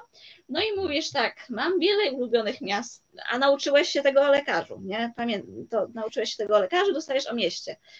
No, jakie jest twoje ulubione miasto? No, mam wiele ulubionych miast, ale najbardziej podoba mi się Paryż, ponieważ tam właśnie przechodziłem nagły, nagły zabieg, a operował mnie lekarz, który absolutnie miał cechy idealnego lekarza. A cechy idealnego lekarza to. No, oczywiście, stara technika egzaminacyjna. To a propos tego, e, jak e, mówić e, na temat i że trzeba mówić na temat. Zdecydowanie, tak. E, Ja powiem szczerze, że niektórzy to mają e, zadziwiające kompetencje w tym obszarze. Tak. No oczywiście mi się zdarzało wykorzystywać różne takie na studiach sytuacje, gdzie na przykład zdawałem egzamin i wiedziałem doskonale od jakiego zdania zacząć, co w nim musi się pojawić, żeby od razu się, można powiedzieć, e, no dobrze, nazwijmy to, żeby, żeby egzaminator dobrze na mnie patrzył, bez dwóch zdań. E, Ja kiedyś nawet się zastanawiałem, na ile to jest jakby takie okej, e, tak jak na przykład pojawia się e, taka dyskusja w kontekście fotografii. Teraz przeczytałem taki komiks Dni Piasku wydawnictwa Nonstop Comics, cudowny i tam jest w ogóle nawet są takie pytania dotyczące tego, no, jeżeli my e, przestawimy coś, żeby nie wiem, w kadrze było to lepiej uwydatnione, czy my już w jakiś sposób kłamiemy. To się odwołuje do tej całej takiej wielkiej akcji fotografującej e, w latach 30. e, no, dramat ludzi żyjących na wielkich równinach w USA i tam po prostu troszeczkę no, naciągano. No i to właśnie to mi się z tym kojarzy, nie? Na ile to jest jakby okej. Natomiast ja pamiętam kiedyś, jak właśnie ktoś mi powiedział, to też się odnosi do tych różnych rzeczy, o których my tutaj rozmawiamy e, i też gdzieś tam pojawia w komentarzach, że jakby mm, my możemy dyskutować o różnych rzeczach, e, natomiast życie jest jedno. I teraz jakby, kiedy jesteś na studiach, to jesteś na studiach i możesz prowadzić nieustannie te różne swoje dywagacje. Natomiast być może to jest moment, kiedy trzeba do tego podejść pragmatycznie. Na zasadzie studia są przede wszystkim pewnym konstruktem, tak? I jakby no, to nie ty wybierasz, że one się składają z jakichś różnych egzaminów, że te egzaminy są ustne, gdzie jest duże ryzyko subiektywności i tak dalej. Więc tak naprawdę być może chodzi o to, żeby po prostu założyć, że ty masz egzamin zdać. I tak jak to mówią pragmatyści, e, no, że tak naprawdę no, zdanie prawdziwe to jest y, dla człowieka zgubionego w lesie to zdanie, które pozwala mu z niego wyjść. Więc jakby chodzi o to, że ja wielokrotnie uświadamiałem sobie, że różne szkoły etyczne, one nie tyle mm, jakby w życiu trzeba jakąś wybrać, e, tylko znaczy jeżeli ktoś chce trzymać się jednej, to spoko, tylko chodzi bardziej o to, że może na przykład jest tak na zasadzie what about both, że jakby w różnych sytuacjach różne koncepcje etyczne służą nam bardziej. E, bo to jest częsty dylemat, kiedy na przykład ja rozmawiałem z dzieciakami wielokrotnie o dylemacie wagonika, tak? My tam mieliśmy hu, hu e, to nawet mam gdzieś grę planszową, dylemat wagonika nawet, to właśnie... My też mieliśmy podobało. dylemat wagonika, jeszcze dylemat tego e, Tesli, która nie ma, jak to się nazywa po polsku, autonomiczny pojazd. A, no, tak. tak, czy zabijemy tego, co przechodzi, czy tego, co jest w środku? Dokładnie. To jest awaria tego autonomicznego no. pojazdu. Są naprawdę tak cudowne wariacje, zresztą y, ja tu mam, o, y, też tego Chidiego z The Good Place i te w ogóle w tym serialu świetnie to było pokazane, różne warianty, natomiast ja po prostu zawsze gdzieś tam pamiętam, jak się cieszyłem, jak wspólnie dochodziliśmy do tego, że być może my po prostu nawet na tym etapie życia, jakim jesteśmy, my nie jesteśmy w stanie rozstrzygnąć, czy na przykład kiedy coś takiego się zdarzy, y, czy my na pewno skorzystamy z tej koncepcji etycznej, którą deklarujemy. Być może będzie tak, że jak będziemy rosnąć, że tak powiem, będziemy starsi, e, być może, nie wiem, jakoś trochę się zmienią nasze też po prostu e, priorytety i może my wybierzemy inną koncepcję etyczną, a może być tak, i na przykład ja nie ukrywam, że to jest w ogóle coś mi bardzo bliskiego, e, co poniekąd się wiąże z takim sytuacjonizmem etycznym, że ja naprawdę przyjmuję, znaczy w sensie jakby rozumiem to, że jakby w niektórych sytuacjach absolutnie jestem typem, e, który reprezentuje totalny personalizm, ale są też takie sytuacje, w których ewidentnie ja widzę po prostu no, przewagę utylitaryzmu, tak? E, tylko wtedy podkreślam jasno, że to, to dotyczy sytuacji, w których załóżmy, e, no nie wiem, ja rzeczywiście mam poczucie, że nikt nie zostanie skrzywdzony, a na przykład odnośnie siebie samego ja stosuję przede wszystkim etykę cnót, tak? rozumianych jako pewnego rodzaju dzielności, które zdobywa w ramach nawyków, treningu i tak dalej. Tak? Na tej zasadzie. Nie wiesz, może... no. Tak, no co ty nie wiesz, to podstawa. to jest w ogóle podstawa. Natomiast ja chcę jeszcze tylko dodać, że mi się w ogóle bardzo spodobało, jak ktoś w komentarzach w ogóle napisał o logice formalnej jako części filozofii i ja nie ukrywam, że właśnie ja zawsze od tego zaczynałem jakiekolwiek swoje zajęcia mm, z nowymi grupami. E, ja zaczynałem od takiego dania narzędzi myślenia. Czyli na przykład jak mieliśmy zajęcia z etyki, to cały pierwszy rok to było dawanie narzędzi myślenia, po prostu. Rozwiązywaliśmy zagadki kryminalne, e, mieliśmy jakieś takie formy, y, podstawowe formy dyskusji i debaty. Oglądaliśmy film 12 gniewnych ludzi, który zresztą no, w pierwszym tomie się nim posługuje w kontekście e, wychodzenia przed szereg.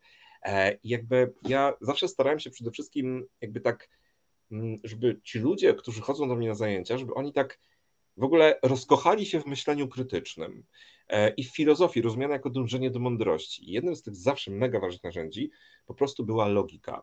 I ja nie ukrywam, że dla mnie, e, jak na przykład, no wiadomo, część z tych ludzi przychodziła potem na zakon Feniksa, żeby się przygotować do olimpiady filozoficznej, no to w programie oni mieli jakby logikę, w sensie musieli się tego nauczyć, nazwijmy to tak. Natomiast ja, y, niezależnie od tego, że oni powiedzmy, mm, no, jeżeli chcieli mieć jakieś szanse w olimpiadzie, to musieli przerobić te tezy, ale ja po prostu tak czy siak mówię, słuchajcie, to jest coś, co totalnie w ogóle przyda się wam e, jakby na każdy dzień życia, tak? Logika. E, I tak jak tutaj Gosia właśnie pisze, że logika formalna niestety redukuje liczbę studentów. E, tak, bo ona, ona często jest też tak przedstawiana. Natomiast ja zawsze mówiłem jasno, że słuchajcie, logika to jest po prostu, mm, tutaj mam taki z Lego e, kuferek Newta Scamandra, tak? I on, ja mówię, logika to jest taki kuferek. I w tej logice zawierają się wszystkie narzędzia potrzebne nam do rzetelnego myślenia, do rzetelnego rozmawiania i tak dalej, i tak dalej. I ja na przykład bardzo często y, w ogóle tłumaczyłem i tłumaczę podstawę, czyli to, z czego logika się składa, tak? Bo logika to jest zarówno teoria języka, czyli semiotyka, zarówno logika formalna, tak? Czyli to wszystko, co nam pozwala przeprowadzać te rozumowania e, i, i, unikać właśnie jakichś błędów i tak dalej, jak i to jest właśnie to, co Gosia pisze, ogólna metodologia nauki, tak? To są te trzy elementy i teraz mając to wszystko, w ogóle człowiek tak zaczyna płynnie funkcjonować wielokrotnie. Na przykład uczniowie, uczennice mówili, którzy uczyli się yy, i uczą przy mnie etyki, filozofii, wiedzy o kulturze, czegokolwiek. Mówią, wie pan co, ja naprawdę widzę, jak mi to, ta, ta logika pomaga w życiu, tak? E, o, tutaj Basia jest, cześć Basiu, pozdro dla e, e, rodowitej mojej koszalinianki. E, I powiem szczerze, że naprawdę to, to, to, to jest mega, bo, bo zaczynasz jakby używać tego i, jakby i ty widzisz po prostu taką realną zmianę i w swoim myśleniu, i w swoich rozmowach, i też w reagowaniu na to, czym ludzie próbują cię karmić. A dla mnie w ogóle taki fundament polegający na edukacji właśnie filozoficznej, między innymi logicznej, bo logika jest dyscypliną filozoficzną, e, no to, to to powinien być absolutny, absolutny fundament w ogóle edukacji, obok edukacji emocjonalnej. E, I no nie ukrywam, że wtedy ja czasami mam takie wrażenie, że może dlatego właśnie te wszystkie rządy do tej pory nie chciały postawić naprawdę na edukację taką z prawdziwego zdarzenia, no bo wtedy byłoby trudniej e, wciskać ludziom kit. Nie czarujmy się. Zdecydowanie. I tym tak. kończymy tę część. Wracamy za 15 minut. Przerwa na muzyczkę. Super. See ya niedługo.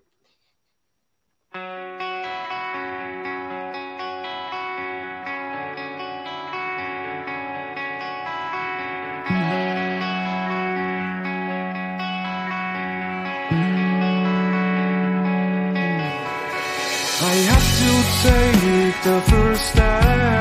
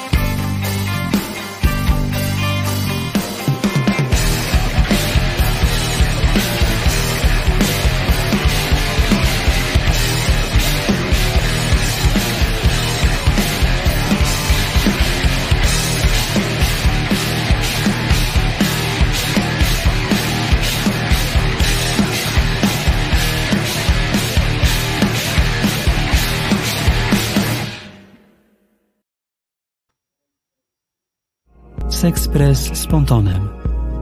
Następna stacja seks, antykoncepcja, zdrowie, ciało, edukacja, seksualność, prawa, tożsamość.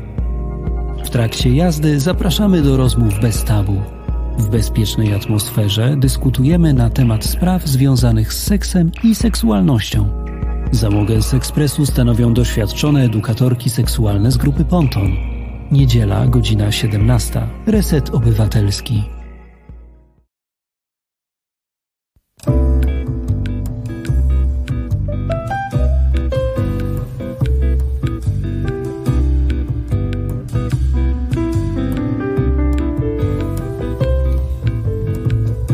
Odchodzimy do siebie. Jak zawsze zdumieni, że odmienił nas czyjś dłoni dotyk.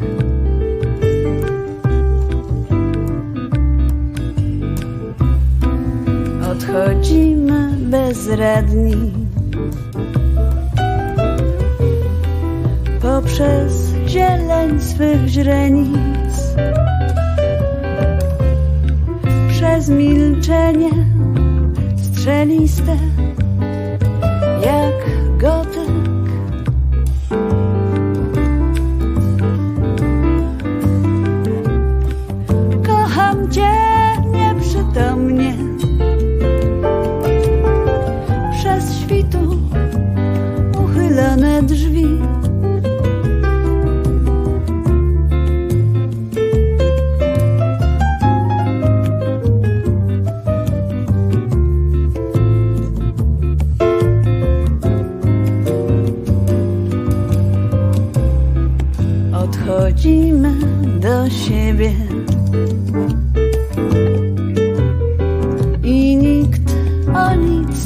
nic nie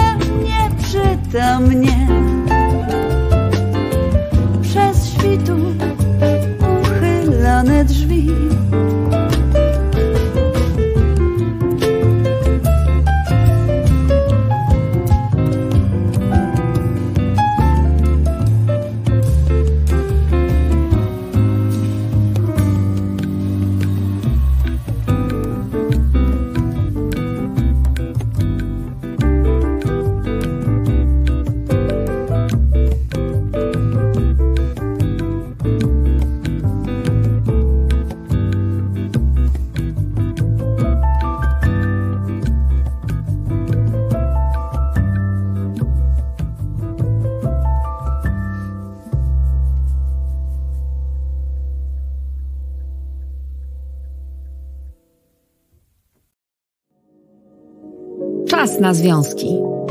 Czas na nowoczesne, postępowe związki zawodowe. Będzie kontrowersyjnie i dynamicznie. Rozmawiamy o sprawach, które mogą nas łączyć lub dzielić, jak na przykład kwestia wysokości podatków czy rola związków zawodowych. W programie pojawią się eksperci rynku pracy oraz związkowcy i związkowczynie. Każdą środę na 17 Piotr Szumlewicz zaprasza do Resetu Obywatelskiego.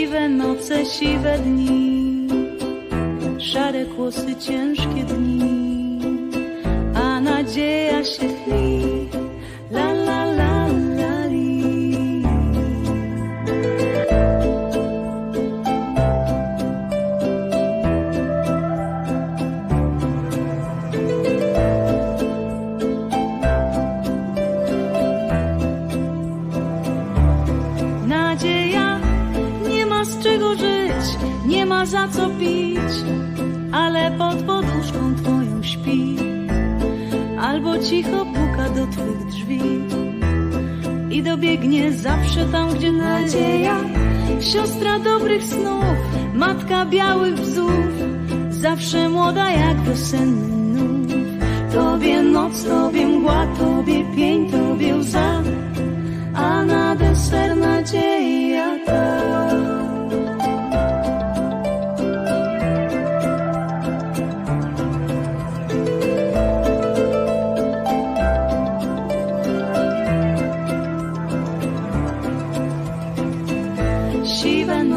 Siwe dni, szare kłosy, ciężkie dni, a nadzieja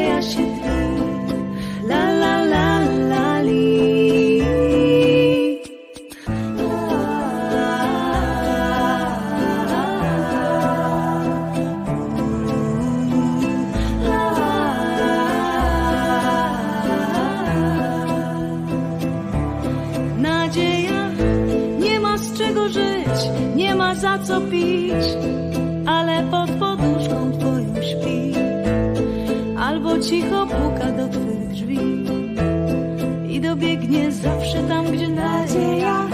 Siostra dobrych snów, matka białych psów, zawsze młoda jak wiosenny nów. Tobie noc, tobie mgła, tobie pień, tobie łza, a na deser nadzieja.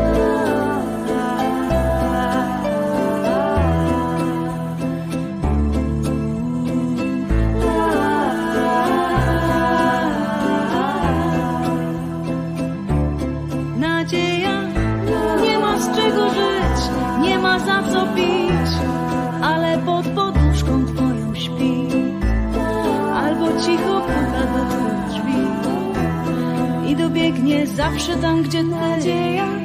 Siostra dobrych snów, matka białych bzów, zawsze młoda jak wiosenny nów. Tobie noc, tobie mgła, tobie pień, tobie łza, a na deser nadzieja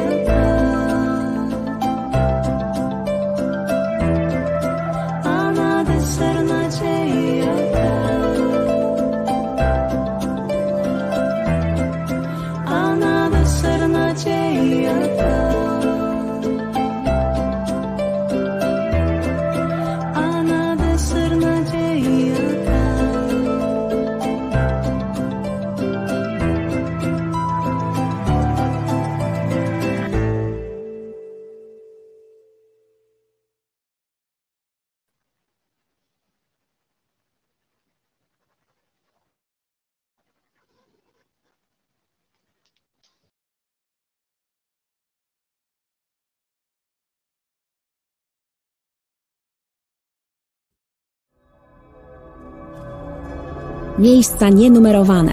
To audycja od kinomanów dla kinomanów. Piotr Kurczewski i Maciej Tomaszewski w rozmowach z gośćmi, ale też ze słuchaczami będą dyskutować o filmach i serialach, zarówno aktualnych, jak i tych kultowych. Pozycja obowiązkowa dla każdej fanki i fana srebrnego ekranu. W każdą środę między 21 a 22.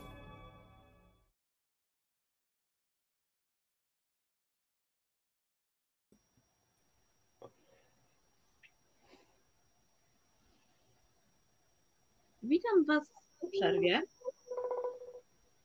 Znowu dzwonisz. Ja przepraszam.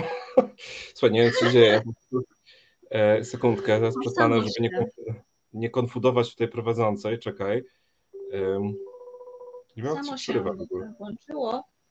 Cały czas widzę Przemek Staroń. Dajcie nam sekundkę, przepraszam. To jest jakby mój jakiś dziwny nieogar. Mm, Ale tu wcisnę X, to może to wystarczy. Może po prostu włączę telefon, tak będzie najbezpieczniej. Widzicie, no po prostu dzwoniłem w trakcie, tak się stęskniłem po tej przerwie, że e, samo zaczęło mi wybierać połączenie na Instagramie do Martyny, więc hello, coś w tym Samo, jest. samo się. Tak. No, właśnie wracamy po przerwie na muzyczkę. Zastanawiam, zas- zawsze się zastanawiam, co byście pomyśleli, gdybym swoją muzyczkę zaczęła puszczać tutaj w resecie. Czy ja miałabym jeszcze wstęp do resetu, czy nie bardzo? Podejrzewam, że to drugie. Ale kiedyś nawet mówiłam do Karolinie Rogaskiej, czy, czy ja mogę swoją muzyczkę puszczać? Czy to jest tak, że tutaj muzyczka jest puszczana odgórnie przez e, jakieś szefostwo? I, I tak się zastanawiam, czy właśnie, czy, czy, czy ludzie przestaliby dawać e, m, darowizny, na, czy przestaliby ludzie wpłacać na, na reset, e, kiedy ja zaczęłabym puszczać swoją muzykę? Czy, Słuchaj, no- czy, Można spróbować. Myślę, że myślę, że przy okazji może następnej rozmowy, rozmowa będzie z Olą Petrus, e, komiczką na temat e, O. granicy humoru i tego, czy możemy żartować za wszystkiego, czy, czy są jakieś tematy tabu w żartach, czy powinny być, jak to jest w Polsce, jak to jest w Stanach. Sobie porozmawiamy o humorze, więc może e, Państwo potraktują to tak z przymrużeniem oka, jak, e, jak przystało na e, temat e, komizmu i, i humoru. Ale przepraszam, tylko powiem od razu, w ogóle pozdrów Ole Petrus ode mnie, to po pierwsze, a po drugie to mega pasuje w ogóle też do tego, co padało wcześniej u nas, a propos tej takiej nieskończonej autonomii sztuki, w Tak. ogóle słowa i także humoru, bo ja pamiętam w ogóle tę sytuację z Olą, jak tam wtedy chodziło o Paczesia, jeśli dobrze kojarzę. E, I, no i to, to rzeczywiście jakby w kontekście tego, co my wiemy już o tym, jak język działa e, i co potrafi robić, to no powinno bardzo mocno jakby mm, spowodować naszą powściągliwość w różnych rzeczach. Ja bardzo się cieszę na tę rozmowę, ponieważ ja pisałam magisterkę z, e, na temat stand-upu, e, konkretnie na temat e, niegrzeczności językowej w stand-upie afroamerykańskich komików w Stanach Zjednoczonych. I to jest w ogóle zagadnienie tak naprawdę bez dna i tam się jeszcze Mhm. nakładają na to te warstwy, czy stand-up, jakby wiadomo, że to są persony, że to nie jest ta osoba i czy możemy czuć się obrażeni przez żart, który tak naprawdę nie został wypowiedziany przez tę osobę, tylko przez postać, którą on przyjmuje na scenie. Mm, Tutaj, tutaj jest mnóstwo takich e, ciekawych rzeczy do analizy. Ale to za tydzień. E, No. Dziś jeszcze e, o edukacji. Ktoś pisze, że ucina mi czubek głowy. Może to i dobrze. Może to czas inkwizycji. Może to, no właśnie, może to, e, może to jest e, czas, może to są czasy inkwizycji, a może też e, ktoś e, chce, może mi wtedy głowa po prostu się stanie normalna, jak nie utnę Oj, to ja to zawsze mówię, że na normalność głowy już po prostu my się nie ma co liczyć. Tutaj mi się y, Dolores Umbridge po prostu y, zaplątała i myślę sobie, że właśnie edukacyjnie to my żyjemy Mhm. trochę w czasach inkwizycji, więc wszystko piękną pasuje do siebie. sukienkę różową, pasuje Słucham? wszystko do mnie. E, Tutaj ktoś pisał, że Przemek e, na ministra edukacji i nauki. Ja jak najbardziej się zgadzam, zawsze postuluję Przemek na ministra edukacji i nauki. To jest absolutnie, o, znowu pani Danuta, A, no, Przemko no. na ministra. Jak najbardziej. Przemek jest najbardziej kompetentnym kandydatem na ministra edukacji i e, szkolnictwa wyższego w Polsce. Ten urząd nas, zmienia swoją nazwę co jakieś 6 miesięcy, więc e, wybaczcie, że nie, nie, nie powiedziałam tego tak, tak dokładnie, jak nazywa, e, bo ja już sama nie wiem, jak się nasze, jak, jak nasze, nasze ministerstwo się nazywa. Chyba teraz jest Ministerstwo Edukacji i Nauki. Tak, tak, przy czym wiesz, jakby ono z edukacją i z nauką tak naprawdę nie ma nic wspólnego tak, i nie miało, więc tak, jakby to ta nazwa... Ministerstwo Magii i, Magii i Czarodziejstwa, tak. ale gdyby było takie naprawdę edukacji i nauki, to Przemek byłby idealnym kandydatem i ja chciałabym Cię zapytać o to, jakie zmiany byś wprowadził, gdyby, gdybyś został tym ministrem. Mhm. Wiesz co, bardzo miło, dziękuję. Chociaż ja powiem szczerze, że y, ja myślę, że ja mam postawę podobną do Dumbledora w ogóle, e, którego tam typowano na tego ministra magii w ogóle, a on się konsekwentnie opierał. Ja mam jakby, no powiedzmy, dość podobne podejście. E, znaczy wiele osób w ogóle tego w tych realiach, jakby, w których my żyjemy, polskich, nie rozumie kompletnie. E, znaczy w sensie wiele osób myśli, że ja ściemniam. Natomiast ja jestem takim człowiekiem, który no, generalnie jestem bardzo taki prawdziwy, autentyczny i to, co ja mówię, to to jest to, co myślę, ale to z, no, siłą rzeczy to też pokazuje problem ze szczerością w naszym społeczeństwie i jak w ogóle, że my potrafimy e, jakby no, tak łatwo kupować bzdury, a tak trudno jest nam e, siłą rzeczy przyjmować coś, co jest szczere. E, I ja po prostu zawsze mówię bardzo jasno, że ja nigdy nie miałem, byłem szefem samorządu uczniowskiego dwukrotnie, byłem szefem różnych organizacji, natomiast jakby ja nigdy nie miałem parcia na żadne stanowiska i nigdy nie było moim celem. Mm, czasami zgadzałem się na pewne stanowiska w wyniku tego, że widziałem, że jestem tą osobą, która może wziąć za to odpowiedzialność. Natomiast tak naprawdę mm, to właśnie nauczyłem się przez te lata, E, że mm, tak na, jakby jeżeli mówimy o jakiejkolwiek organizacji, jeżeli mówimy o jakimś zespole ludzi, to trzeba to poukładać tak, żeby ludzie się jakby czuli taką pełną partycypację i identyfikację. Tak? O tym się mówi w kontekście no, chociażby biznesowym, tak? Identyfikacja z marką. E, nie da się, nie ma jakby niewolnika nie ma pracownika. Nie da się zrobić z kogoś, y, kto po prostu ma żyk, że tak powiem, na swoją firmę oddanego pracownika. On musi czuć partycypację, musi czuć identyfikację. On, on, on tę identyfikację często czuje przez właśnie doświadczenie partycypacji.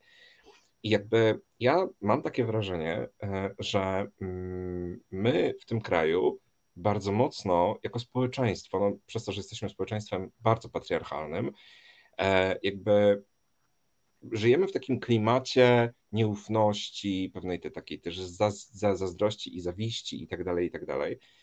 W związku z tym często, kiedy pojawia się wątek w ogóle stanowisk, to jakby towarzyszą temu naprawdę no, niezbyt przyjemne emocje. Mówiąc krótko, ja często staram się ludziom mówić, że tu nie chodzi o ministra edukacji, e, bo, no bo absolutnie nie, tu chodzi raczej o to, żeby różni ludzie, którzy chcą realnie brać odpowiedzialność na przykład za edukację w tym kraju, żeby mogli jakby czuć, że są w tej roli. E, kiedy ja zostałem nauczycielem roku, to pamiętam, że mm, jedną z rzeczy, które zrobiłem przez tego mojego przemówienia, było zaproszenie wszystkich możliwych osób na scenę. Znaczy, może nie, że wszystkich możliwych, chodźcie, bo chcę tutaj zrobić sobie selfiaczka z wami, tylko po prostu osób, które no, ja poczułem, że tam powinny się znaleźć. I zacząłem wymieniać po kolei moją rodzinę, e, mamę, tatę, siostrę, szwagra, partnera. Oczywiście media się skupiły tylko na tym, że powiedziałem partnera, to było, też pokazywało... Ale to w ogóle było tak przełomowym wydarzeniem, to było coś niesamowitego, jak ty to powiedziałeś, naprawdę, bo tak, pamiętasz jeszcze, jaka była nagonka za czasów Giertycha i co mówiono no, o gejach nauczycielach, że najlepiej to na Madagaskar.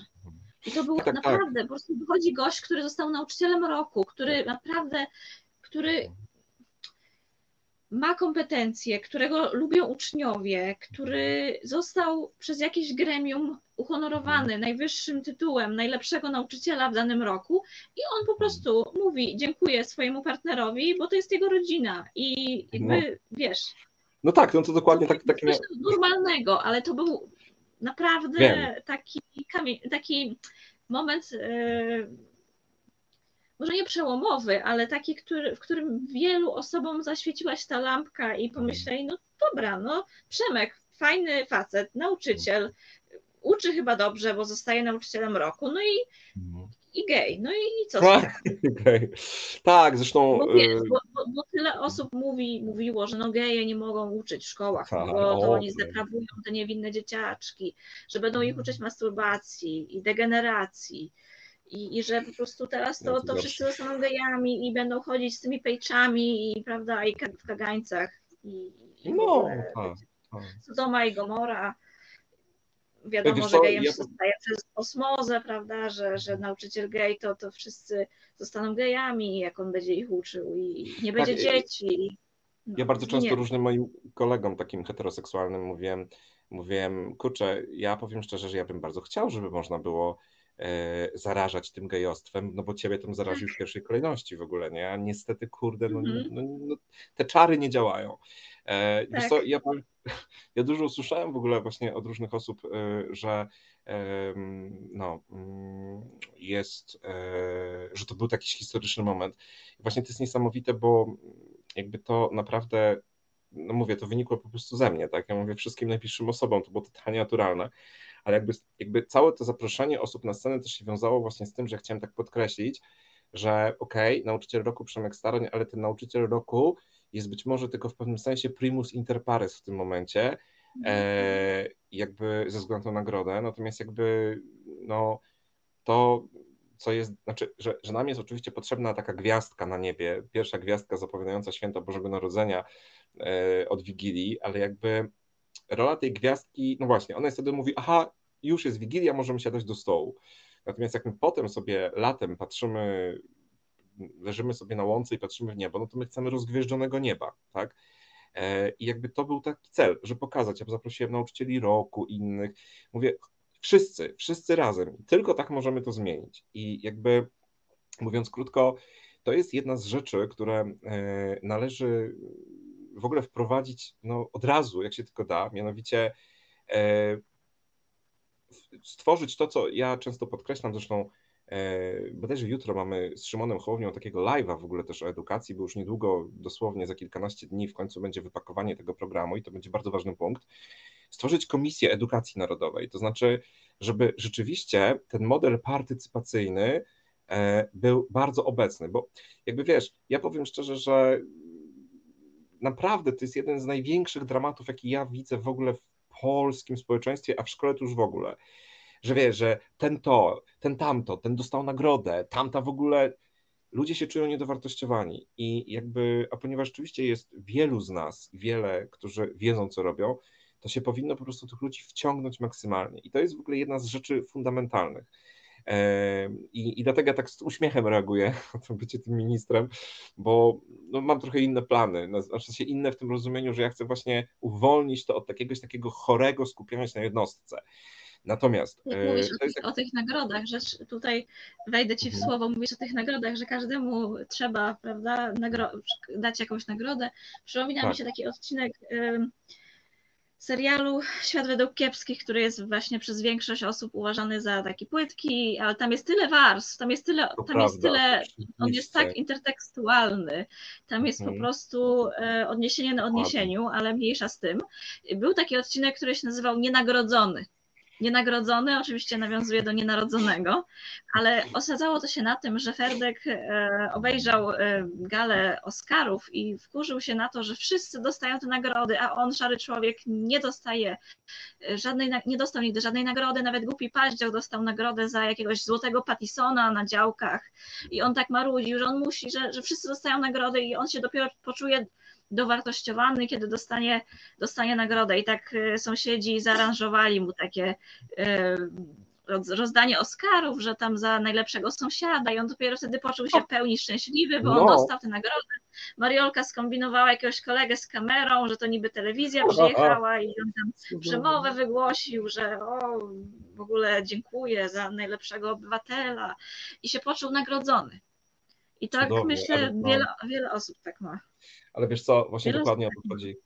Tak, tak i Martyna i ja mam takie wrażenie, że y, w rzeczywistości politycznej, która jest jakby dla nas wszystkich najważniejsza, no bo to ona nadaje rys naszemu funkcjonowaniu, taki fundamentalny, prawny i tak dalej. Niestety y, to jest cały czas jakby w powijakach takie odnoszenie tego do tej płaszczyzny psychologicznej, to znaczy z jakimi intencjami ty w tę politykę idziesz, bo niestety ja, patrząc na politykę, ja po prostu obserwuję takie no, ciągłe potyczki niedowartościowanych ludzi. No, tak bym to ujął. E, ludzi, którzy naprawdę, gdyby zaznali buddyjskich medytacji, e, pogłębienia samoświadomości i tak dalej, oni naprawdę funkcjonowaliby zupełnie inaczej i być może Platon miał rację, mówiąc, że rządzić powinni filozofowie w rozumieniu ci, którzy dążą do mądrości. Natomiast jakby wracając do tego, co, co tutaj się, znaczy do tego twojego pytania, jakby ten next step, to ja powiem szczerze, że, mm, bo to w ogóle chyba jest Kasper Czerwonka, jeśli dobrze widziałem, mój kumpel z liceum, e, który był zresztą w liceum moim crashem, nie wiem, czy Kasper wiesz o tym generalnie, jeden po prostu z najseksowniejszych facetów, jakich widziałem ever. No i Kasper generalnie po prostu zapytał, czy dałoby się przenieść ten system fiński do e, polskiej rzeczywistości.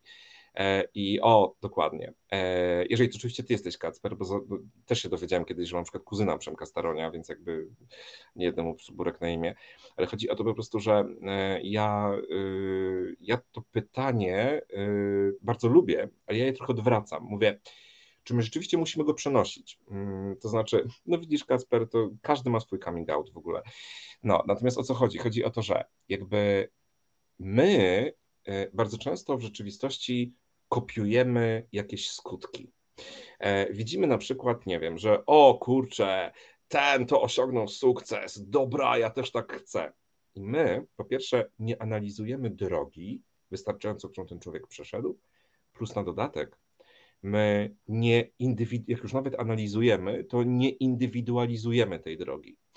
E, mówiąc krótko, mm, to, że temu człowiekowi na przykład zadziałały jakieś różne rzeczy, to spoko, ale u mnie mogą nie zadziałać w ogóle. Montesquieu, który e, jest znany między innymi z koncepcji trójpodziału władzy, on w, o duchu praw napisał wyraźnie, że każde, każdy kraj, gdyby tak przetłumaczyć na naszą rzeczywistość współczesną, ma coś takiego, jak taką swoją specyfikę, takiego ducha swojego. I e, to się bierze z różnych rzeczy, z historii, z geopolityki i tak dalej. I nie da się przenieść stosunku jeden do jednego rzeczywistości z jakiegoś kraju do innego, bo jest inny duch praw. Czyli mówiąc krótko, to nie chodzi o to nawet, żeby dosłownie przenieść y, ten system fiński tutaj, tylko zobaczyć, co oni zrobili. A oni zrobili rzecz fundamentalną i to dawno temu, bo to, bo to bodajże w latach 70. Oni rozpoczęli masowe badania, co trzeba zrobić. E, I no, zrobili coś, od czego tak naprawdę zaczyna się każda nauka, mm, każda diagnoza medyczna, mm, w zasadzie każda psychoterapia też, research, przyjrzenie się, z czym mamy do czynienia, y, wsłuchanie się też różne głosy, zrobienie badań i tak dalej. I dlatego jakby ja powiem szczerze, że to, co mm, zrobić się powinno tutaj, to dokładnie zrobić to, z czego skorzystali Finowie i Finki, czyli jakby przeprowadzić badania. Przy czym my to mamy odhaczone, bo badań jest już dużo. Jest dużo raportów, dużo analiz, serio. E, to, co oni zrobili jeszcze bardzo istotnego, to to, że oni podpisali taki ponadpartyjny jakby pakt na zasadzie, że okay, mamy świadomość, że rządy się będą zmieniały, e, jasna sprawa. Natomiast umawiamy się wszyscy, że my nie tykamy edukacji. To znaczy, my ją nastawimy tak fundamentalnie, jakby damy jej te podstawy, żeby ona mogła sobie działać, ale ona będzie trochę, wiecie, jak roślinka w inkubatorze, że będzie się rozwijać, nie będzie wstrząsana niczym. I to jest ten to, co my rzeczywiście powinniśmy w tym kraju zrobić. Bo niestety, y, znaczy, sytuacja jest bardzo smutna w gruncie rzeczy, jeżeli chodzi o to, bo, bo jakby tak, ja się nie będę wypowiadał o tym, co robi ten rząd a propos edukacji, bo rozmawiałem z Anną Zalewską przecież w styczniu.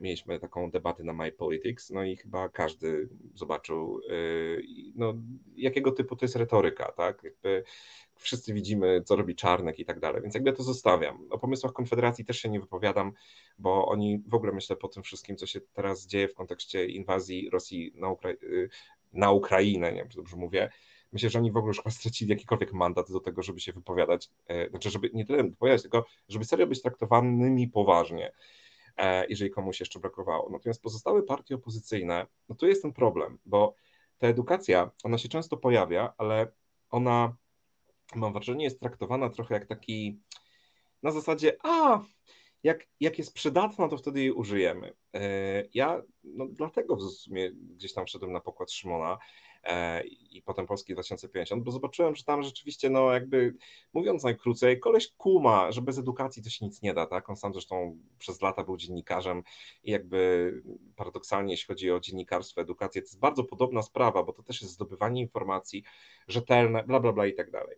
I teraz jakby chodzi o to, że niestety to wciąż nie wystarczy, bo problem jest taki, że jest wiele osób po tej stronie takiej demokratycznej, które y, mają te różne pomysły świetne i tak dalej, tylko są w rozproszeniu, bo powiedzmy, ci są, nazwijmy to, bliżej tej siły politycznej, ci są bliżej tej, E, co jakby dla mnie jest jasną sprawą. Jakby dla mnie to jest w ogóle podstawa, żeby no, znaleźć jakąś formę identyfikacji. Ja jestem człowiekiem, który ma światopogląd lewicowy na przykład, tak, więc jakby ja naprawdę mm, siłą rzeczy y, rozumiem każdego, kto miałby problem podpisać się, no nie wiem, pod czymś, co, co nie do końca mu się jakby, y, jakby wydaje zgodne ze swoim światopoglądem, natomiast jakby kluczowe jest to, że po prostu te osoby są rozproszone, ale one też widzą bardzo często. Znam niejednego człowieka, który próbował coś robić, na przykład, nie wiem, z Platformą Obywatelską i ostatecznie okazywało się, że hmm, tak jakby średnio, średnio yy, po prostu tam rzeczywiście traktujesz to poważnie, mimo że na przykład, nie wiem, jest aktywność posłanek ostatnio świetna i tak dalej. I teraz o co chodzi? Chodzi o to, że jak ja ostatnimi czasy widzę, to, co jest potrzebne właśnie to to, żeby zebrać tych ludzi, e, zebrać mm, naprawdę serio, ale to już też jest bardzo ważna odpowiedzialność polityków i polityczek, żeby potraktować poważnie i żeby naprawdę ludzie z różnych środowisk, różnie się też identyfikujący, mieli poczucie, że to nie jest tak, że teraz jedna partia sobie realizuje swoją wizję, tylko że my łączymy te siły My możemy nawet mieć jakiś program, yy, nie wiem, wspólny, jakkolwiek to nazwać, i my łączymy siły, bo wtedy będzie poczucie partycypacji i identyfikacji. I to jest nam potrzebne. To jest nam potrzebne. Ponadpartyjne porozumienie e, dla dobra nas wszystkich e, i po prostu ten inkubatorek. I to wtedy naprawdę serio ma, e, to jest jakby, to jest ustawienie tego tak, tak jak trzeba, że tak powiem, tak? E, na samym początku, bo tak jak to zresztą mówi filozofia starożytna, mały błąd na początku, wielkim staje się na końcu, natomiast korekta tego błędu na szczęście jakby, no, tutaj może dużo dać. I teraz jakby to jest clue, to, to, są te początki wszelkich zmian. I co ciekawe, kiedy my to wprowadzimy, okaże się, że rzeczywiście bardzo wiele tych rozwiązań, które no, siłą rzeczy są potrzebne polskiej edukacji, to są rozwiązania, które są na przykład obecne w edukacji fińskiej. E, serio, nie wszystkie, ale wiele z nich, ale to nie dlatego, że to ma Finlandia, tylko że Finlandia bardzo szybko poszła tą, tą drogą, a prawda jest taka, że kiedy człowiek e, no, rozwija się i też jakby słucha tego, co mówi nauka, to naprawdę mm, nie wiem, jak to dobrze ująć, ale w pewnym momencie E, ludzie nawet z różnymi poglądami dochodzą do bardzo podobnych fundamentalnie wniosków, tak?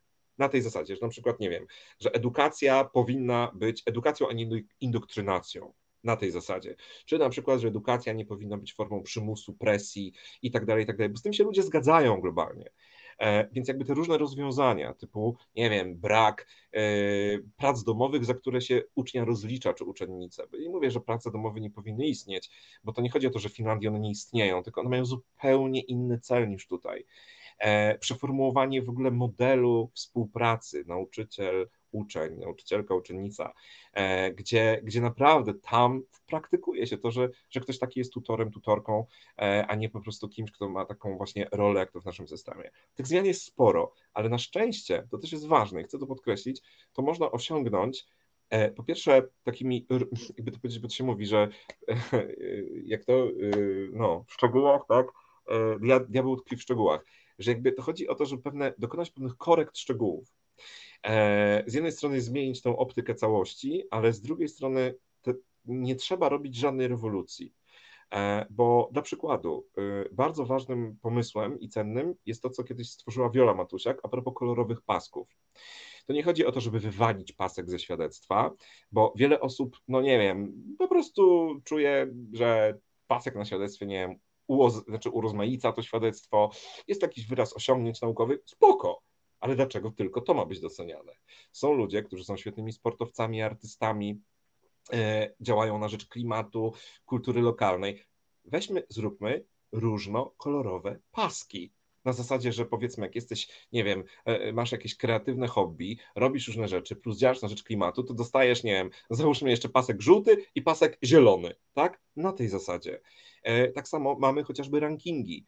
Ja zawsze mówię, że my nie usuniemy rankingów tak o, bo te rankingi często są mimo wszystko prowadzone przez podmioty prywatne, ale my możemy zrobić tak, żeby te rankingi poszły w stronę nie, nie tyle uwzględniania właśnie wyników maturalnych czy olimpijskich, ale wiele innych aspektów, e, to, co na przykład robi chociażby ranking szkół LGBT. E, tutaj między innymi Dominik Kuc, e, fantastyczny ziomek w ogóle, który, który naprawdę no, robi robotę mega z całym teamem. No przecież gdyby na przykład w rankingach dołączyć właśnie aspekt poczucia bezpieczeństwa, e, poczucia na ile środowisko szkolne troszczy się o zdrowie psychiczne, na ile jest inkluzywne, jeżeli chodzi o osoby z różnych mniejszości, na ile likwiduje nierówności, tak? pomaga w likwidacji nierówności, zarówno jeżeli chodzi o dostęp do e, nie wiem, jedzenia, do transportu, do e, załóżmy także no nie wiem, kwestii tych wszystkich związanych z przepustowością internetu, sprzętu i tak dalej dodajmy te po prostu y, kolumny w Excelu. I wtedy nagle się okazuje, że ranking nie jest czymś złym, tylko niech on mówi naprawdę to, co jest istotne. I nagle się okaże, że te wyniki olimpijskie czy wyniki maturalne, one są po prostu elementem. Mają prawo. Dlaczego nie? Więc to o to tutaj chodzi. E, ja mógłbym dużo mówić, ale no to nie chcę tego jakby przegadać, broń Boże, natomiast jakby no, no my to zebraliśmy wszystko, zebraliśmy ja naprawdę się cieszę, to miało być, no ale wybuchła wojna dosłownie dwa dni przed, więc musieliśmy to przesunąć, że za kilkanaście dni to opublikujemy, bo, bo, no bo ja bym po prostu chciał, żeby świat to zobaczył, te różne przykłady tych rozwiązań, które już są. I to jest bardzo ważne. To wszystko istnieje. To, co jest kluczowe, to to, żeby naświetlić, żeby to, co na przykład robi nauczycielka nie, Marysia Jaszczyk chociażby, genialna emerytowana nauczycielka, która po prostu e, zrobiła, ja nie wiem, to jest w ogóle genialne, ona była nominowana na nagrody Sandlerowej, e, ona po prostu zrobiła coś, co tutaj, ja to mogę tak tylko w cudzysłowie powiedzieć, e, takie mm, tęczowe koło gospodyń wiejskich, tęczowe. E, jakby i teraz takie coś już jest. Ona ma, ona ma, no jakby nie patrzeć, model wręcz opracowany, nawet jeżeli nie jest tego świadoma, że, że to jest model. I teraz co, o co chodzi? Chodzi o to, żeby pokazać to wszystkim y, samorządom w Polsce. Zobaczcie, można to zrobić na wzór Marysi Jaszczyk. Dalej, możemy wziąć na przykład to, co robi Kuba Tylman w Śremie. To jest publiczna szkoła, która wygląda jak, ja to zresztą napisałem im na ścianie, jesteście czwartą szkołą magii i czarodziejstwa w Europie. Tak? Tam są w ogóle, tego się nie da opisać, tam są w ogóle misie pluszowe w oknach, oni tam się troszczą o zwierzaki, mają wiewiórkę swoją i nie tylko, oni tam wspólnie gotują, to jest szkoła publiczna. I to chodzi znowu nie o to, żeby teraz wszystkim coś narzucić, czy robić jakieś chore reformy strukturalne, tylko pokazać, zrobić portal porządny, gdzie się pokazuje, zobaczcie, Kuba zrobił to tak, jeżeli jesteś tym zainspirowany, inspirowana, zobacz, Kuba dzieli się swoją drogą. Dalej, Marysia zrobiła to tak, Tosia, nie wiem, Zenek zrobił to tak. O to tutaj chodzi. My naprawdę, właśnie to jest, to jest coś, co mnie zawsze rozwala. My mamy tyle cudowności, które już się dzieją dzięki działaniom oddolnym, dzięki ludziom, którzy robią oddołu. Tylko chodzi o to, żeby to wynieść, żeby to wynieść tak jak Zeus wyniósł herosów na nieboskłon, uczyni z nich gwiazdozbiory i wtedy to będzie miało sens. Już nie gadam. Dokładnie tak. Ja absolutnie muszę się zgodzić z, z Tobą we wszystkich, e, we wszystkich aspektach, szczególnie w tym e, odnośnie rankingów, odnośnie zdrowia psychicznego, bo obiecałam pociągnąć ten temat, e, który był wcześniej poruszany. No ja jestem taką osobą, która jest żywym dowodem na to, że nauczyciel ma ogromną moc i słowa nauczyciela i wsparcie nauczyciela mają ogromną moc, ponieważ e, gdyby nie nauczyciel e, wspomniany już wcześniej, jego wsparcie, jego dobre słowo, Mariusz. jego pomoc, jego zauważenie, e, jakiegoś tam zalążka talentu i pomoc przy dwóch olimpiadach, które robiłam jeden rok. Hmm, to naprawdę ja byłam, ja byłam w tak w takiej rozsypce psychicznej, miałam ze sobą próby, nie wiem, czy YouTube mnie może za to zbanować, miałam próby samobójcze, bo wiem, że wychwytuje algorytm też e, Mhm. to słowo. E, Byłam po prostu w strasznym stanie psychicznym i naprawdę, gdyby nie on, to, to, by, się, to by się skończyło no, skutecznie. I on był jedyną osobą, która wyciągnęła do mnie rękę, która powiedziała, dziewczyno, ty umiesz pisać. Ty umiesz pisać i pisz. I pisz. I zobaczysz, że ktoś cię doceni. Ja cię doceniam. I inni też cię docenią. I on mnie poprowadził za, przez ten świat olimpijski.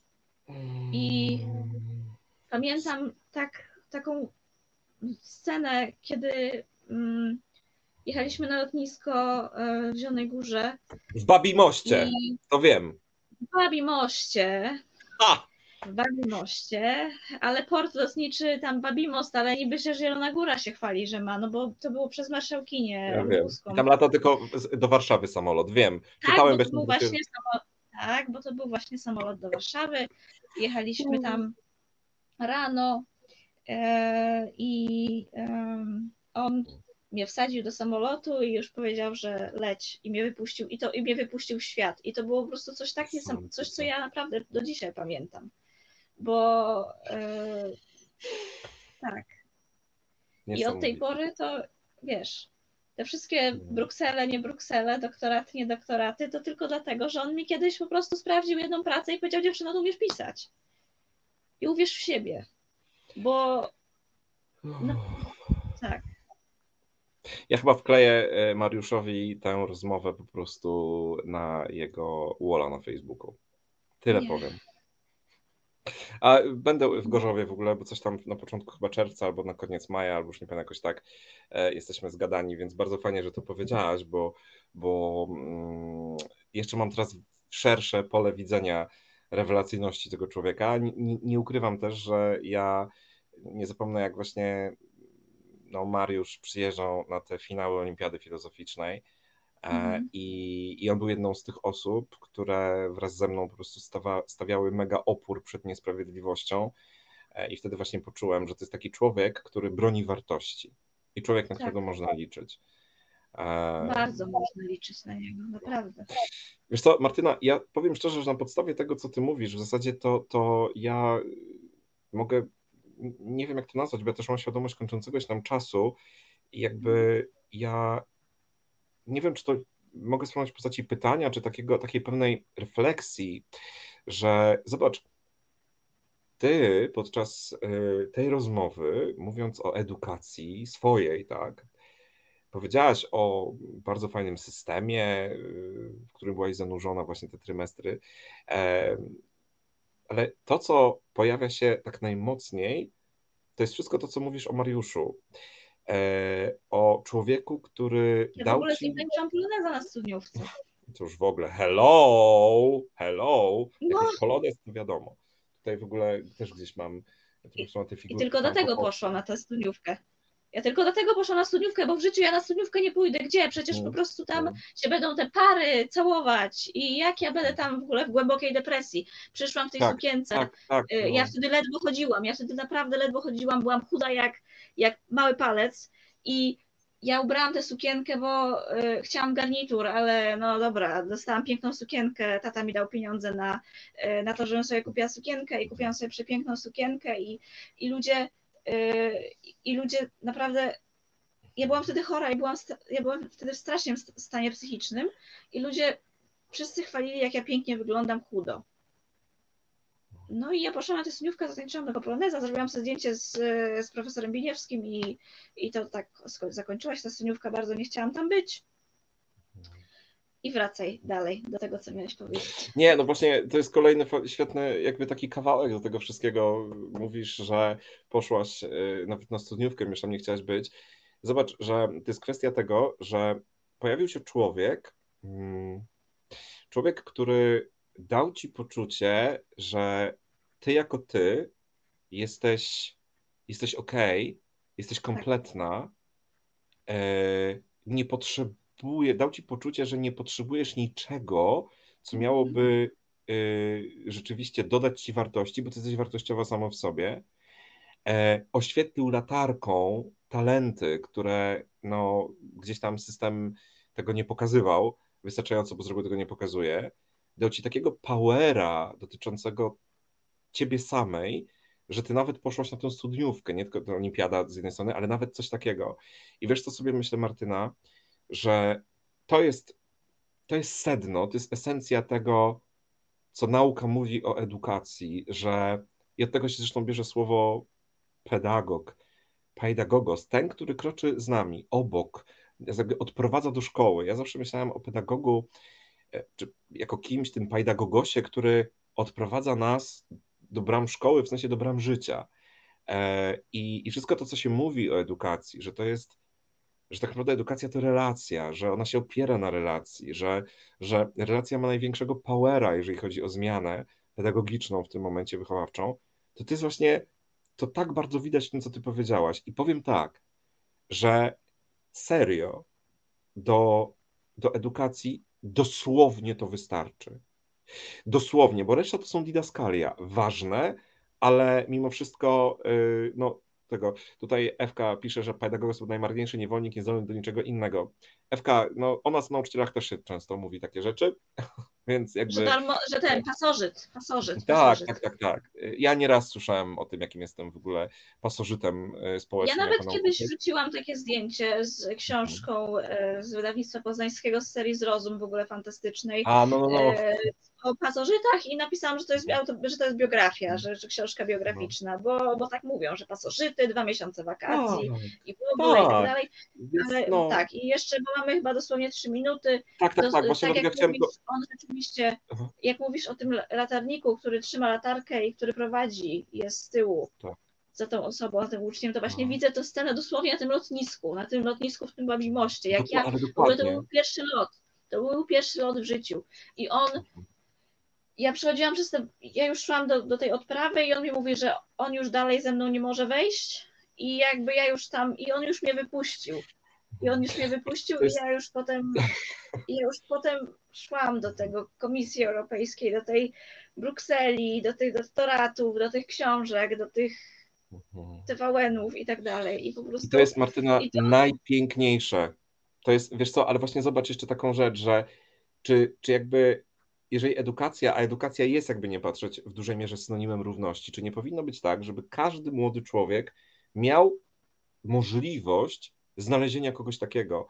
Nie na zasadzie, czy mam szczęście, że trafię na kogoś takiego, tylko że idąc do szkoły, że ktoś taki był. I teraz uwaga, jakby jest w tym wszystkim takie, żeby nauczyciel, nauczycielka mieli takie wsparcie, takie fundamenty, które pozwolą im się realizować, rozwijać, żeby oni mieli siłę Mariusza, tak? Bo to jest siła Dumbledora, to jest siła Kurczaka. I jakby mam takie poczucie, to jest w ogóle mega, to jest cudowne w ogóle, że o tym powiedziałaś.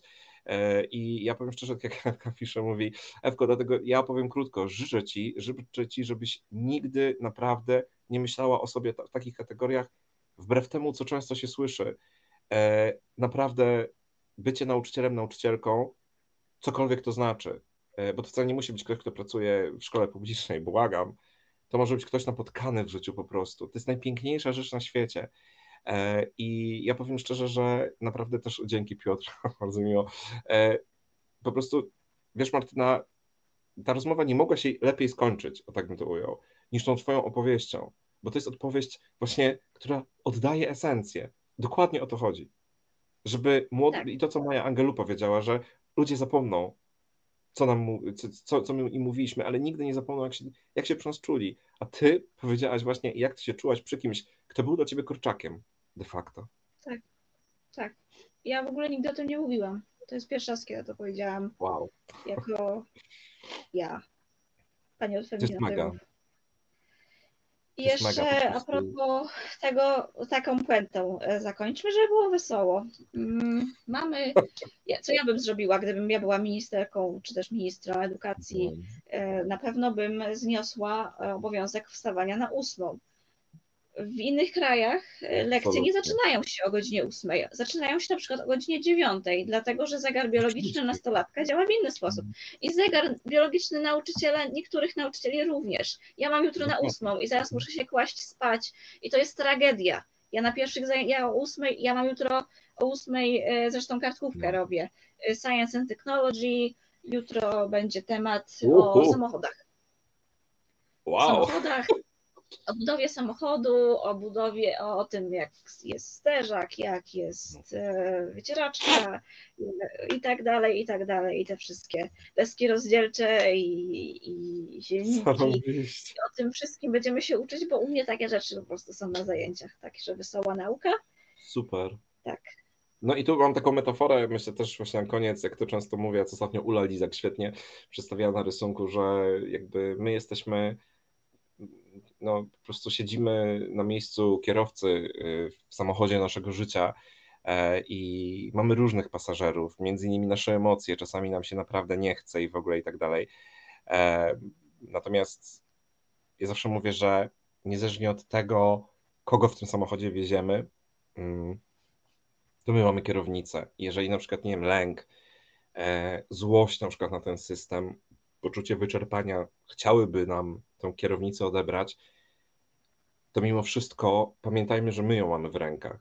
Mm, Zawsze się można zatrzymać na postój, na zrobienie siusiu, bo każdy potrzebuje odpoczynku, ale to my mamy kierownicę. Uświadomienie sobie poczucia sprawstwa, tego, że ja nie decyduję o tym, co przynosi świat, ale ja decyduję o swojej reakcji na to, co przynosi świat to jest światło, które naprawdę potrafi przetrwać najgorsze ciemności.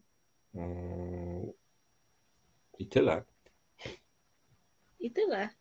Także dziękujemy Wam bardzo serdecznie za miło spędzony czas. Tak jest. Widzimy się za tydzień. Tymczasem ja idę się kłaść spać, ponieważ jutro trzeba wstać o 6 rano, żeby dojechać do pracy na 8. Och, no, właśnie. Trzeba, więc ja Ci życzę dobrego snu yy, i Wam wszystkim yy, dziękuję Wam w ogóle za obecność. Dziękuję Martyno i cały resecie obywatelski za zaproszenie, za możliwość tej cudownej pogaduchy i, i po prostu kurczę. No nie wiem, no ja chyba krótko mogę powiedzieć, jak już pokazywałem, to właśnie takie expecto patronum, tak, że jakby bądźmy, bądźmy po prostu patronusami dla siebie nawzajem. I myślę, że wtedy, wtedy będzie fajnie. Także dziękuję Ci bardzo, bardzo Przemku i pozdrów pieska. Obowiązkowo. Dzięki. Buziaki, trzymajcie się ciepło, pa, pa. Pa. Reset Obywatelski.